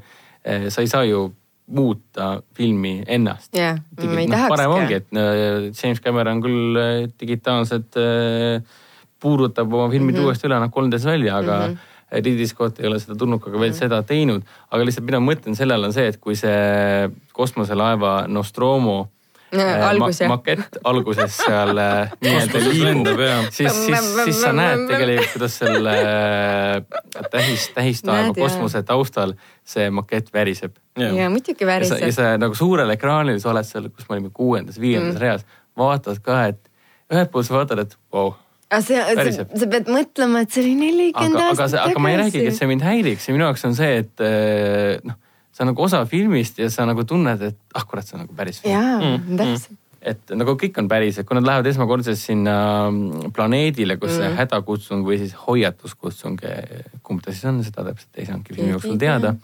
ja kui nad sinna lähevad, siis see on, see on niivõrd vali ka, sest esimesed pool filmi on tegelikult niivõrd vaikne mm.. ja siis, kuidas meelega need režissöör nagu või noh, heli, helirežissöör mängib tegelikult vaataja mm -hmm. kuulmisega. et meil on siis Ian Holm, kes siis noh, tulevikus saab kõikide jaoks tuttavaks tänu äh, Kääbikule. sõrmuti isandale. sõrmuti isanda Kääbikule, Bilbole äh,. siis tollal oli ta veel siis äh,, mis ta nimi oligi? mis ta roboti nimi oli? Paikus mm issand, ma just vaatasin ju. aju, aju blokib praegu mind. aju blokib igatahes äh, väga sõrmikas äge android, keda ta seal mängis. ja kuidas tema siis istub seal oma mm, pilooditooli taga ja vaatab, kuidas siis teised lähevad, maabuvad alla mm -hmm. planeedile, kus on siis Ash. Ash oli ta nimi täpselt ja väga sobilik ka nimi. nimetus sellisele enigmaatilisele veidrale tegelasele, kes tegi tegelikult palju kurja, aga see oli nii veider tunne, kuidas sul meelega mängitakse sinu kõrvadega, et tema istus seal oma kokpitis, vaikus jah, ja teised on väljas, siis kõrvulugustav müra. et äh, ta on ajatu film, ta töötab siiamaani ja ma üldse ei imesta, kui ma järgmine aasta vaatan sama laadit uuesti. täiesti nõus. räägime mõne sõnaga mm, kapten Marvelist. Nonii, mul on kinoveebis sellest arvustus olemas, ma ütlesin selle kohta kõik mõtted ära, mis ma tahtsin öelda. ahah, et rohkem Aa,, rohkem ei pea rääkima. aga kuna teil ei ole kuskil veel teksti üleval, siis ma võin kiire kokkuvõttena öelda, et ta on keskpärane Marveli film. Arvestades neid filme on kokku kakskümmend üks, siis see on ka omaette saavutus, sest neil läbinisti halbu filme on väga vähe. minu silmis on nendeks Thor üks ja Thor kaks näiteks ja isegi kahe tuhande kaheksanda aasta Incredible Hulk näiteks mis on põhimõtteliselt Marveli enda poolt ka ära unustatud täiesti, sest seal mängis Hulk hoopis teine näitleja kui see, mis me praegu oleme harjunud mm. -hmm. aga Kapten Marvel on jah, see, et tal on nagu nais, esimene naiste superkangelane nagu peaosas, ei muuda seda filmi otseselt äh, paremaks. Ta on täiesti tavapärane sünnilugu, mis on küll ähm, väga, kuidas nüüd öelda, kavalalt ümber struktureeritud, kuna talle on antud siis äh, melukaotus. ta ei mäleta täpselt, mis juhtus minevikus. ehk siis tema see klassikaline sünnilugu on ära hakseldatud ja süžeepööretena esitatud, et see muudab selle nagu värskemaks ja huvitavamaks. aga muidu ta minu silmis nagu silma otseselt millegi uue või ägedaga välja arvatud nagu he- hea komöödiatandem siis äh, Brie Larson, kes on peaosas ja siis äh, Samuel Jackson, kes kaasa lööb ka. Nende vahel oli komöödiatandem, see töötas väga hästi. aga kõik muu selline eh, tugev seitse-kümme Äh, mina tahtsin ja öelda selle peale seda, et ma ei plaani seda vaatama minna, sest äh, osalt sellel jah., ja palun äh,, osalt sellepärast, mis sa rääkisid, teisalt see, et äh, see superhero teema on juba nii ära leierdatud ja kuna sa ütlesid ka, et see on nii tüüpiline sündimislugu, siis ma ei tunne absoluutselt suur, suure filmifännina absoluutselt ma vaatan seda telekast või Netflixist või kust iganes striimist ta ükskord ühel hetkel tuleb minuni. aga seda tunnet mul ei ole, et aa eest ära ma tahan näha. ei no see ongi nagu selge, et Marveli, ma arvan, üle kü- kümne aasta juba neid filme tootnud. Ja see on ka et loomulik. nad on ära väsinud nagu või? ei ole väsinud, lõpuks neid filme vaatavadki need, kes on fännid. aa okei ja need lähevad kinno, see film teenis niivõrd palju raha, et vaatavadki ainult fännid. et ta, ta ei ole enam selles punktis, et äh, leiab väga palju uusi inimesi mm. -hmm. ja neid tuhandeid miljoneid fänne on nii või täiesti, piisavalt, et see raha tagasi teenida. ja aga see mulle isiklikult äh, noh, ta on, Captain Marvel on äh, taaskord äh, hea näide Marveli nii-öelda tugevusest, kuidas jutustada toimivaid, lihtsaid seda küll. pöör-, noh, piisavalt palju pöördeid pakkuvaid äh, lugusid, mis tahes siis kontekstis, kas ta on siis äh, järg, nagu nüüd aprillis linastub äh, tasujad lõppmäng, mida me näeme lõpuks, et mis siis sai pärast äh, igaviku ajastut või siis me näeme täiesti uue kangelase tulemist. ja aga sellest sõltumata, et ma olen nõus, et äh, film ei ole just äh, ülemäära noh, erutavat ja üllatav, et ta pigem mõjub sellise äh, sünnilooga, nagu me alguses nägime neid, mida Marvel tegi. ja see ongi kõige õudsem nagu see, et kas ta siis nüüd läheb edasi või? Kas see on nüüd üks asi, üks asi või on see nagu jälle mingi ootan kümme osa enne, kui tuleb nagu uus. et nagu see on nii tüütu filmide puhul, okei okay,, Lars von Trier tegi oma Nymphomaniaci mingi paar osa ja see on mm. nagu õnnelik lõpp ja nii Vau, see oli huvitav kõrvale, Kalle. aga no come on, see superkangelased nagu, millal nende lõpp nagu õnnelik lõpp tuleb ei, või? ei, ei, ei, kallis. Never gonna happen, kallis jah. Helen, see on puhas eh, sinisilmsus. aga ma ootan seda. seda lõppu ei, ei ole ega tule, sest antud filmid muutuvad järjest populaarsemaks, seda näitab juba ka Captain Marveli Okei. edukus kinodes. oletame siis, et nad äh, midagi täitsa huvitavat ja uut suudavad välja no mõelda. nüüd ongi nagu Marvelil see võimalus seda teha, sellepärast et äh, väidetavalt siis, mitte väidetavalt, see on kinnitatud, et aprillis linastuva, kahekümne kuuendal aprillil linastuva siis ähm, tasujad äh, lõppmängu, lõppmäng toob kaasa selle, et äh, tuleb täiesti uus ajastu Marveli Oh, filme ehk siis see võib tähendada esiteks see- uus see-, uus rodu sünnib ilme mm -hmm. või see tähendab, et nad teevad täiesti uue lähenemise. No ma loodan, et okei uue. kuigi noh, see ei ole päris tõsi, sest pärast lõppmängu tuleb kohe juulis teki. tuleb välja uus Spider-man'i film, aa, no vot. mis veits muidugi võtab maha seda äh,, kuidas, nüüd öelda, lõppmängu sellist traagilisust või selle igavikusõja traagilisust. Tead, sul on kavas juba kirjas järgmine film, kus Mhm, tegelane on mhm, elus, kes mhm. suri eelmises. ja, ja teate, kuidas see kõlab või? see kõlab nagu ehtne seebiooper, need, mis üheksakümnendatel Eestis nii populaarsed olid, kus need olid lihtsad Mariad ja tuhkatriinud ja tuhkanäod ja kõik need.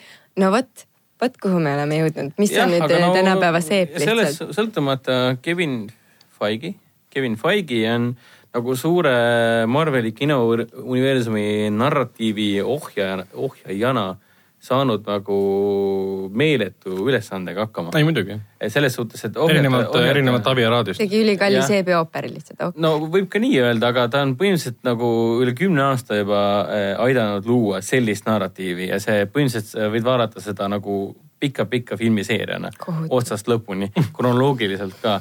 ja, ja Captain Marvel sobi-, vabandust, Captain Marvel äh, sobitub sellesse puslesse, mis ongi tegelikult pusled on otsast lõpuni ikkagi läbi mõeldud et kindlasti neil on juba järgmised kümne aastaga plaanid kõik paika pandud, et Captain Marvel sobitub sinna puslesse suurepäraselt Mm. ta on nagu eelmäng eh, lõppmängule ehk siis tasujad lõppmängule. me saame teada, kes on Captain Marvel ehk siis tõenäoliselt üks kõige suurem eh, võtmetegelane eh, tasujate viimases filmis või noh, uues filmis ja ta nagu tund-, tundub, et see loogika on nagu nii, nii paika loksutatud, et kuidas üks tegelane tuleb nüüd tutvustada. asi pole ka nüüd selles, et ta on esimene naistegelane, vaid Captain Marvel on oluline, sest meil tuleb nüüd lõppmäng mm. -hmm. kõik on nagu paika loksutatud. ja mitukümmend aastat sa seda ootanud oled?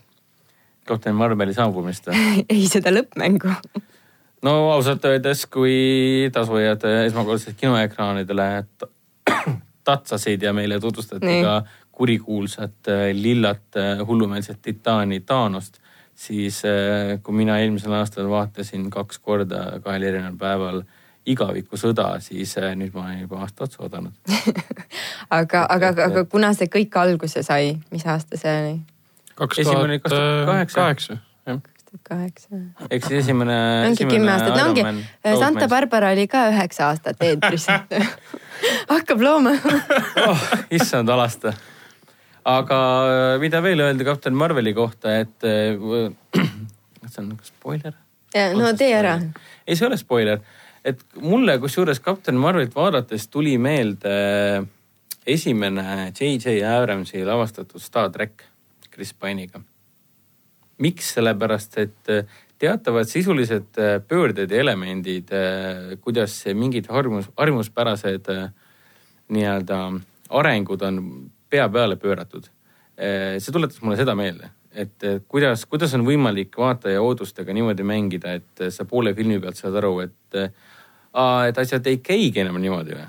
et, et Captain Marvelis on selliseid üllatusi, mis lisaks ägedale peategelasele äh, muudab äh,, noh, peategelane avastab ka enda kohta Mhm. no see käib filmi juurde ikka ta tavaliselt. paneb pusle kokku ja siis ta saab omakorda teada, oh, kõik on hoopis vastupidi okay.. või siis hoopis on kõik nii, nagu olema peab ja nüüd ma pean seda muutma Mm. mm.. on klassikaline karakteri areng ja samamoodi on ka põhipahaga, kes, keda mängib siis Ben Mendelson. olgu ta siis äh, Orson Krennic äh, Rogue One tähesõdade lo- loos või siis äh, äh, Ryan Goslinguga Place Beyond the Pines'is, suurepärane draamanäitleja, karakternäitleja ja siingi teeb ta väga särava rolli. lisaks filmis on äh, väga lahe kass.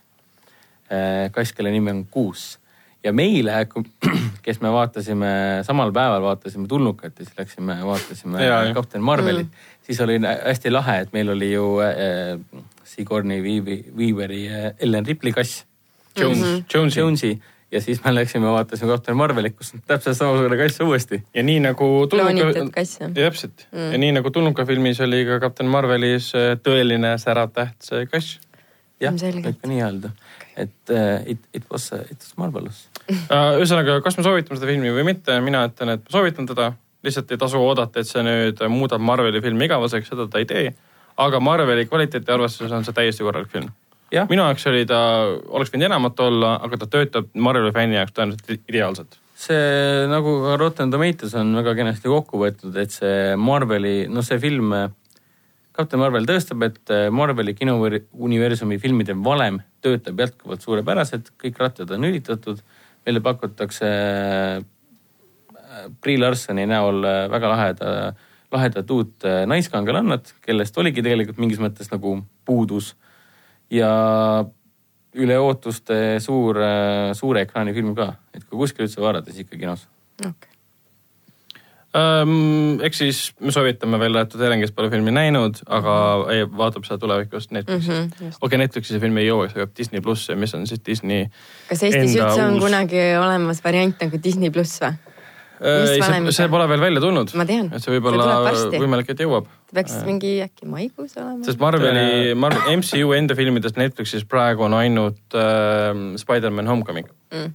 et mingi aeg oli seal Iron Man ja mingid siuksed asjad ka, aga need on kõik ära võetud. aga räägime hästi kiiresti mõne sõnaga ka tõesti õigusest. see film on mitu, mitu nädalat juba kinodes olnud, see on kõik rekordid purustanud, no mitte kõik rekordid, aga väga suurepärase suurejoonelise etteaste teinud. see film on suurepärane meistriteos.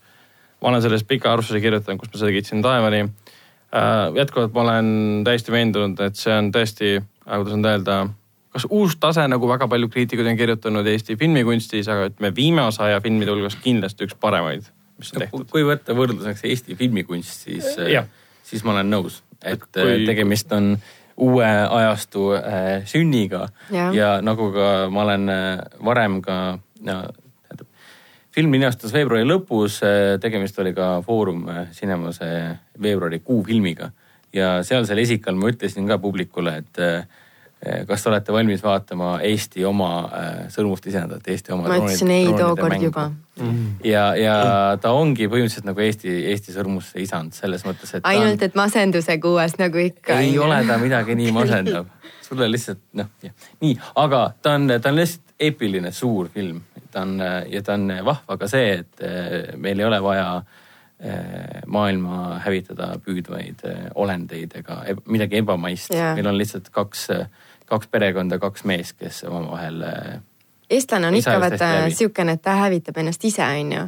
et kui, kui muu maailm teda ei hävita, siis tööga suudab ta ennast hävitada nagu me ikka oleme näinud eh, nii tänapäeval kui ka siis aastal tuhat kaheksasada seitsekümmend kaks, kui see film minu arust aset leidis, nii-öelda see sündmustik seal.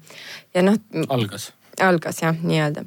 et äh, kas me nüüd saame natukene ja kiirelt sellest filmist rääkida mm,? pigem ei see ikkagi kestis kaks tundi ja nelikümmend viis minutit, et No. no.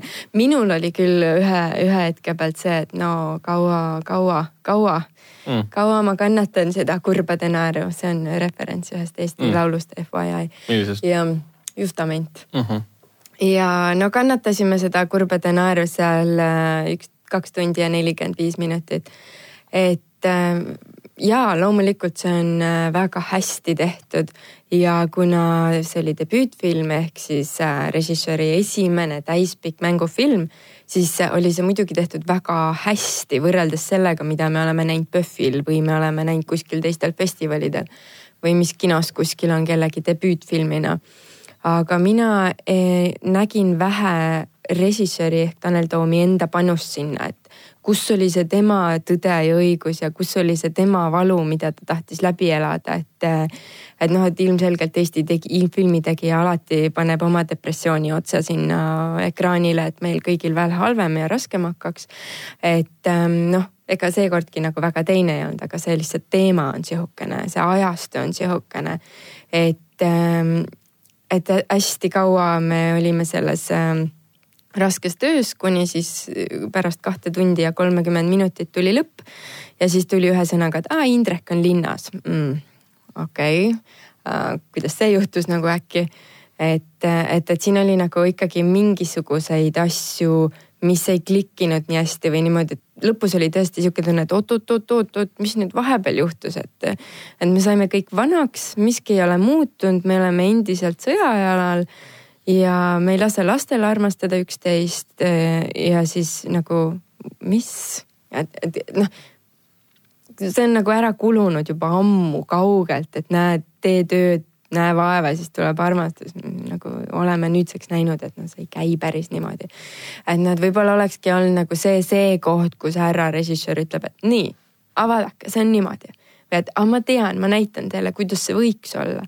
et mis see hüpotees või, või mis see nagu lisa on, mida ma filmis näen, et põhimõtteliselt see oli hetkest, mil äh, tuli ette pilt. ma nägin, okei okay,, see on täpselt raamat et see oli nagu, et oo nii äge, et ma tahaks, et see raamat oleks nagu filmis ja siis see oligi nagu, nagu sihukene raamatu visualiseering. et ma oleks nagu tahtnud veel midagi. ehk siis sulle film väga meeldis, aga oot-oot-oot. sul on teatavad. Ma ei ütelnud, et mulle see film väga meeldis no,, ma... minu arust see oli masendav. ei no see ja... ma, ma kirjutasin arvustuse samamoodi, et mulle film väga meeldis, aga seal olid teatud asjad, mis oleks võinud oluliselt paremad olla. mina ei ütelnud, et mulle film väga meeldis, mulle meeldis see pildikeel, see oli kena ja see oli noh, jälle, mida on enamus äh, Eesti filmides, äh, kus on vähegi looduskaadrit. et paneme natukene looduskaadrit siia, mis siis, et see tegelikult meil stseeni edasi ei vii. aga teeme niimoodi, et meil on siin ämblikuvõrgud või meil on siin ilusad kõrkjad või vaata, meil on siin päikeseloojang, meil on päikesetõus ja me teame, et meil kõik need asjad on olemas. aga paneme nüüd selle igaks juhuks siia, sest operaator sai selle, ilusti üles võetud. et äh, mingi võib-olla ühes või kahes kohas äkki oli see põhjendatult isegi Tões ja õiguses. aga muidu oli küll sihukene tunne, et aa okei okay, ja ma sain aru, et te saite hea kaadri, aga kuidas see minu lugu nagu või noh, kuidas mm. see seda lugu edasi veab, et seda ei olnud. aga mis mulle väga meeldis ja ma arvan, et sellega on vist olnud absoluutselt kõik nõus, on olnud näitlejate töö et äh, väga äge oli vaadata Ester Kuntut ja kuidas kõrvaltegelasest sai peategelane ja väga selge ja, ja, ja tugev peategelane. et see oli väga huvitav ja ma arvan, et see tuleb heast lavastajast, et ta on suutnud äh, ka lisaks kõikidele teistele näitlejatele, aga just see, et see kõrvaltegelane on see, kes särab nagu kõige rohkem. et äh, Andrese tegelane oli ka väga äge, väga huvitav oli näha uut nägu telepildis või õigemini kinoekraanil. Priit, Priit Loog jah, et kui me nüüd juba näeme absoluutselt igal pool Realesta ja Reimo Sagar. ja kes meil veel on, Päruoja, et kui ja. me nüüd neid igal pool näeme, et nüüd me nägime ka natukene midagi uut, et see oli nagu tore. ja, ja no loomulikult film jättis tundeid ja muljeid, aga mm, ma nüüd ei paneks seda kultusfilmi öö, otsa filmi iseenese pärast, et see on pigem sellepärast suurepärane kultus, et ta on Tõde ja õigus, aga mm. kui me räägime Eesti filmidest kui üldse, et siis nagu Viimne reliikvia, Kevade, et nemad on film filmi pärast, mitte sellepärast, et me kummardame neid raamatuid või neid tõdesid, mis seal on mm.. et ähm,, et jaa, kindlasti on see huvitav asi. ma arvan, et selle filmiga oleks võinud oodata vabalt paar aastat veel. aga noh, hea küll, nüüd on ta tehtud ja nii on. no vähemalt ta kukkus välja sellisena, nagu ta kukkus. jaa, no. ta oleks võinud vabalt välja kukkuda väga, kuidas nüüd öelda prestigious jah, ambitsioonika kehva filmina, mida ta ometi ei ole. Õnneks seda mitte. et äh, tal on teatavad sellised küljed, mida saab äh, kritiseerida, mida on ka tehtud päris huvitavalt mm. -hmm et mind isegi need fake habemed ei häirinud mm,. vahet pole. mina ei saanud sellest üldse aru, ausalt öeldes vaadates seda True Detective'i HBO ähm, seriaali kolmandat hooaega, kus on ka vanaks muudetud Maharaja Ali ja siis Steven Dorff, kes näevad kohati nii veigid välja mm -hmm.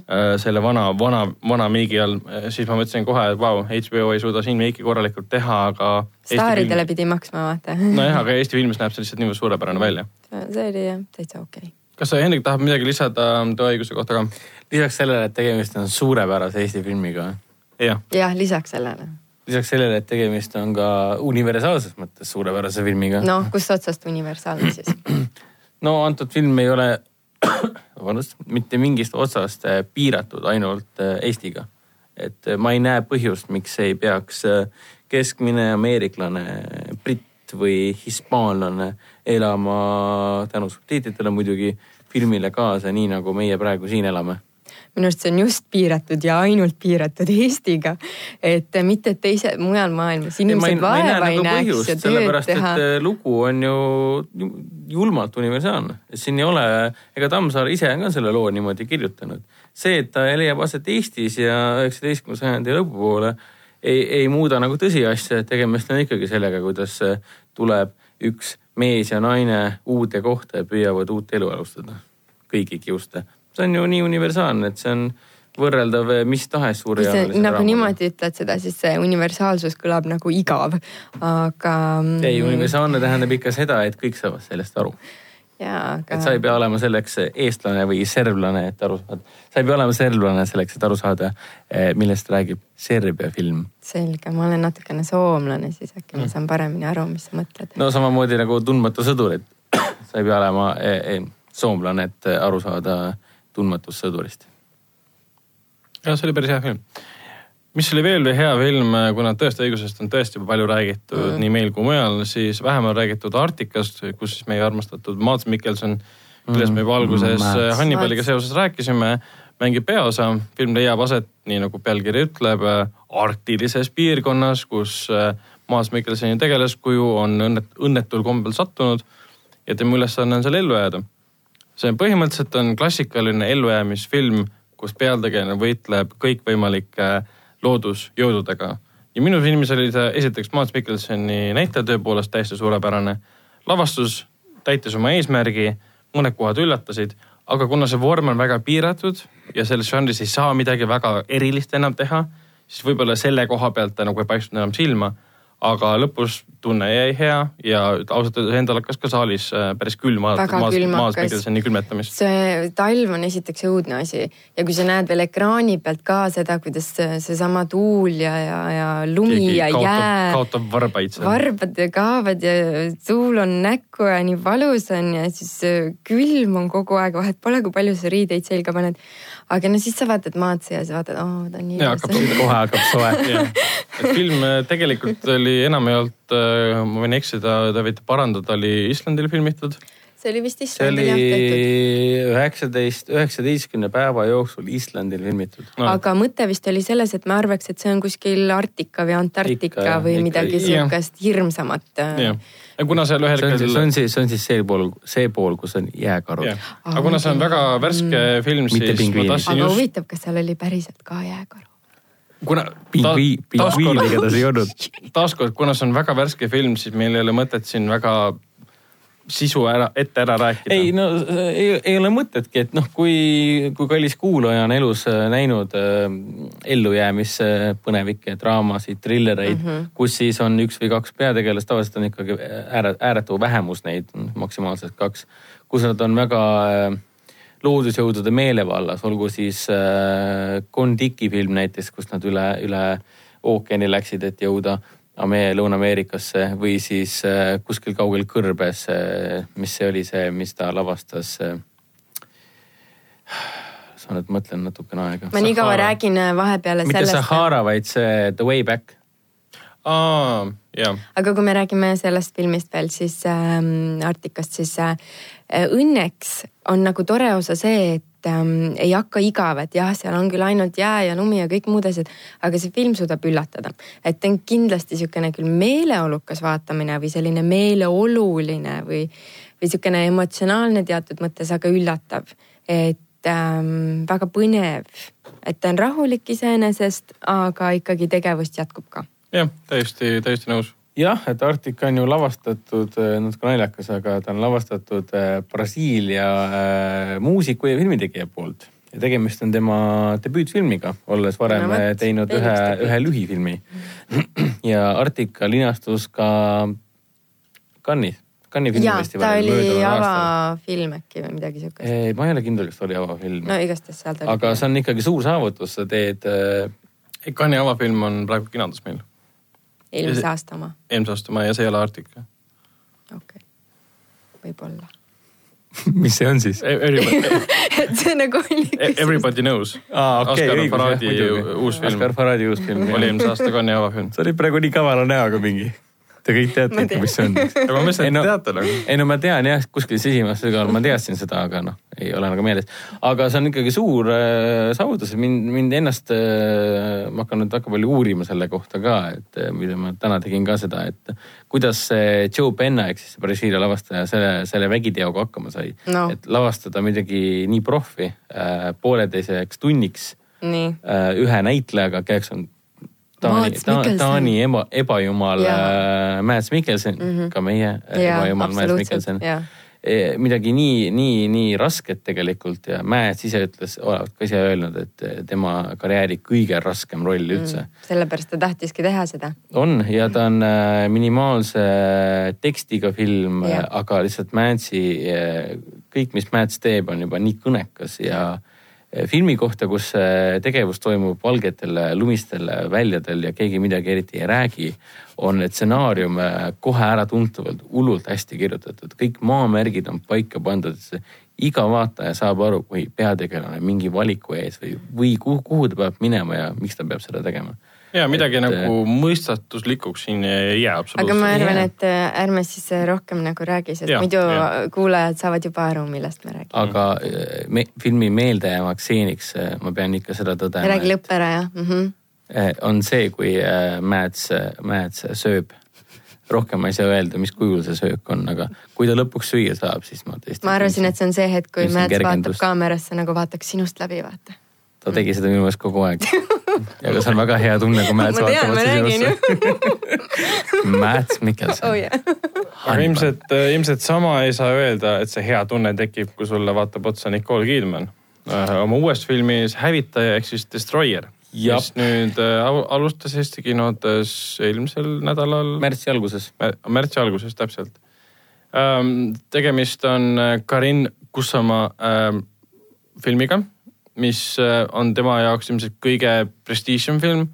ta arvas, et tema eelmine film oli selline õudusfilm Invitation, mis HÖFFil näiteks oli, mis nüüd aprillis on uuesti. Karin Kusamaa lavastas ka Jennifer Spadi äh, selle sammuse Amanda Seyfried, Seyfriedi ja Megan Foxiga, Megan Foxiga mis oli väga kehv film. ja Girlfighti ka, küll Fight oli hea film. Rodriguez'iga. aga Destroyer on täpselt selline film, et äh, kui pealkiri ütleb, on Destroyer Hävitaja. ja sa vaatad, vaatad äh, peategelast, kes on Nicole Kidman, kes on väga ilus naine, kellel on, kuidas nüüd öelda, grimmiga nägu muudetud niimoodi, et ta on läbi elanud seitsmeteistkümne aastaga mingi totaalse, ta on muutunud inimvareks läbi alkoholi ja narkootikumide lihtsalt stressi, masenduse, depressiooni.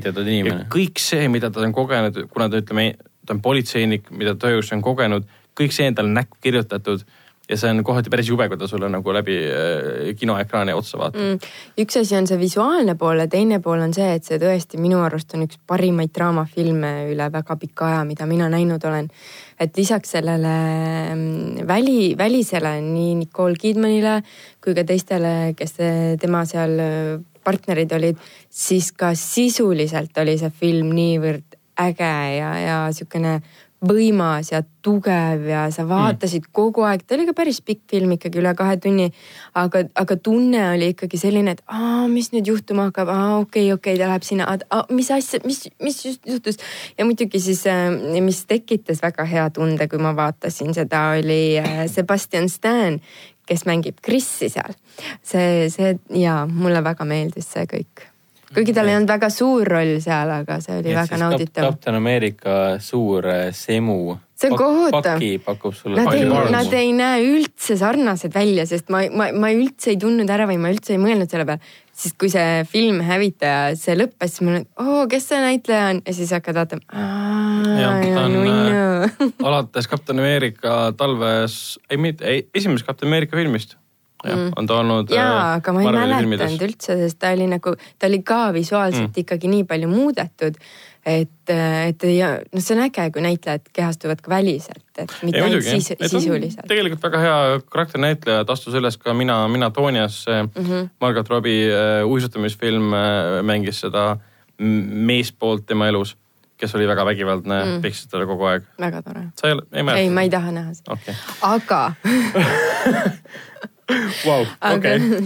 aga ei, ma olen lihtsalt selle filmi lainel praegu ja, ja see hävitaja äh,. miks ta on ka vinge, on sellepärast, et äh, ma arvan, et te kindlasti nüüd palun pakkuge äh, Ameerika filmidest hunnik selliseid filme, kus mehed käivad ringi, joovad. Nad on täiesti eluheidikud, aga ometigi toimivad ja kõik vaatavad neid ja ütlevad, ah, sa oled nii kohutav, mine tee endaga midagi, midagi. aga nüüd on see film, kus meil on naispeategelane, kes on selline täiesti omadega audis, aga ta funktsioneerib mm. -hmm. ja see just, et see on nagu hoopis teistsugune tunne, kui sa vaatad seda, et ma pigem huvitun sellest, mis juhtus, kellega juhtus, kuna juhtus, miks. Et, ähm, et see nagu lõi loole sellise ikkagi teistsuguse sügavuse, kui meil oleks mingi suvaga Ameerika mees, no ma ei tea, kasvõi seesama Nicolas Holt kuskil selle Salingerina onju mm, -hmm. kes ka põletas elu, no ma ei tea, ei koti nagu väga wow. ei, sul on kohta õigus jah, neid krimi, kuna ta ikkagi krimidraama äh, kuritegelikust, kuritegelikust äh, linnaelust ja linnameelust, äh, siis jah, selliseid filme on nagu vähe mm., kus on, mis on korraliku krimidraama, kus oleks naine peaosas. ja sama, ja on veel samasugune naine, nii täpselt samas võtmes äh, loodud karakter nagu väga paljud teised krimifilmid. nagu sa ütlesid, et elu poolt laia, noh pikali löödud, alkohoolik, kõik siuksed asjad. et vahetuse mõttes jah, selles mõttes tore ja noh, jällegi see film ei olnud sellepärast parem, et siin nüüd Nicole Kidmani yeah. naine peaosas oli ta lihtsalt suurepäraselt lavastatud, väga hästi pingestatud. iga tseen, iga kaader oli eesmärgipäraselt ähm, montaažilaual mm -hmm. sinna filmi sisse jäetud. pluss muusika. muusika oli nii. toetas seda. kohati meenutas mulle Denis äh, Villeneuve äh, Sicariat, mis oli täpselt mm. samasuguses vaimus, niisugune vaikselt pähe tungivas. läbi, läbitungiva võimsa muusikaga yeah ja igatipidi täiesti, mina olen, ma olin ka suht nagu rabatud sellest filmist, ma ei oodanud temast midagi välja arvatud see, et noh, nagu Nicole Kidman teeb, teeb hea rolli mm aga ei, krimifilmina ka mm. täiesti okei okay. ja ta on üllatusi täis, mitte ainult mm. Nicole Kidman näitlejatöö pärast, vaid see, kuidas süžee on jutustatud. no ühelt poolt ta nagu, ta ühelt poolt nagu mõjub äh, nagu mm, True Detective'i äh, teine hooaeg, kus samamoodi Colin Farrell mängis elus väga-väga läbi põlenud äh, uurijat. ta meenutab näiteks äh, videomängu äh, Max Payne eriti just äh, teist ja kolmandat, noh eriti just kolmandat, kus samuti peategelane on täiesti läbi põlenud. võtab kätte viimase, viimase, viimase missiooni, mis muutub kiiresti väga isiklikuks ja kogu aeg on pudel käes ja kõik on, kõik on nii halb kui vähegi võimalik, kõik surevad sinu ümber. Issand jumal, isegi üks videomäng on veel, äh, Kane and Lynch'i nimeline videomäng. me ei räägi täna videomängudest mitte mingil juhul. Kane and Lynch'i nimeline videomäng samamoodi, kus äh, seal on kaks peategelast, kelle saad mõlemaga mängida ja mõlemad on täiesti läbi puretud elu poolt mm.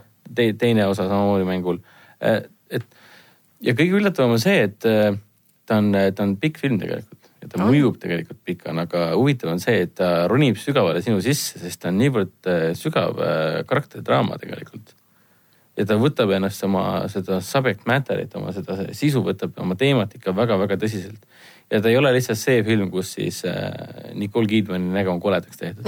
väga lihtne oleks öelda, et see on see film, kus Nicole Kidmani nägu on kole. aga tegelikult on seal see suur point selles ikkagi, et absoluutselt iga stseen, mis filmis on, viib järgmise stseenini, mis on absoluutselt kõik olulised.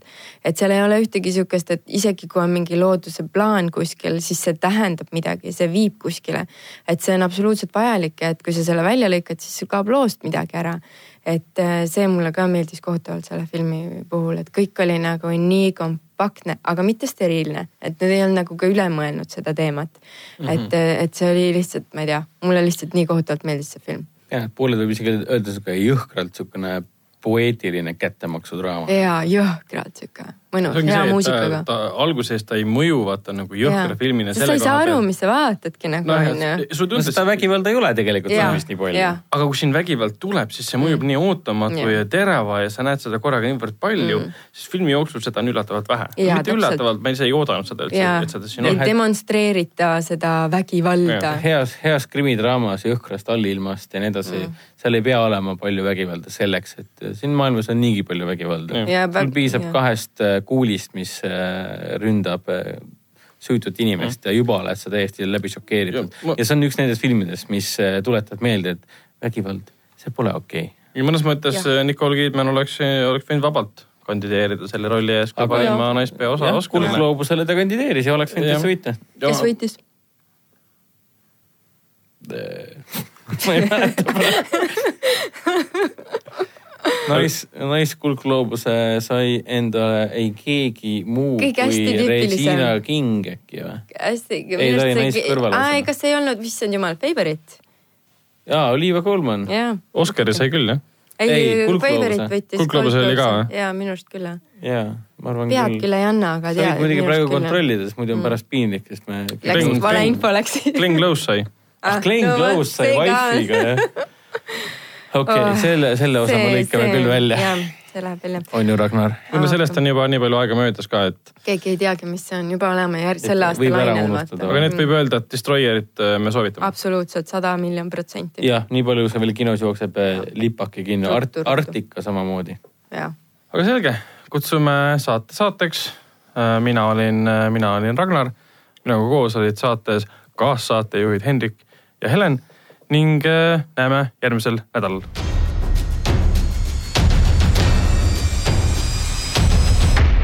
kinoveebi Jututuba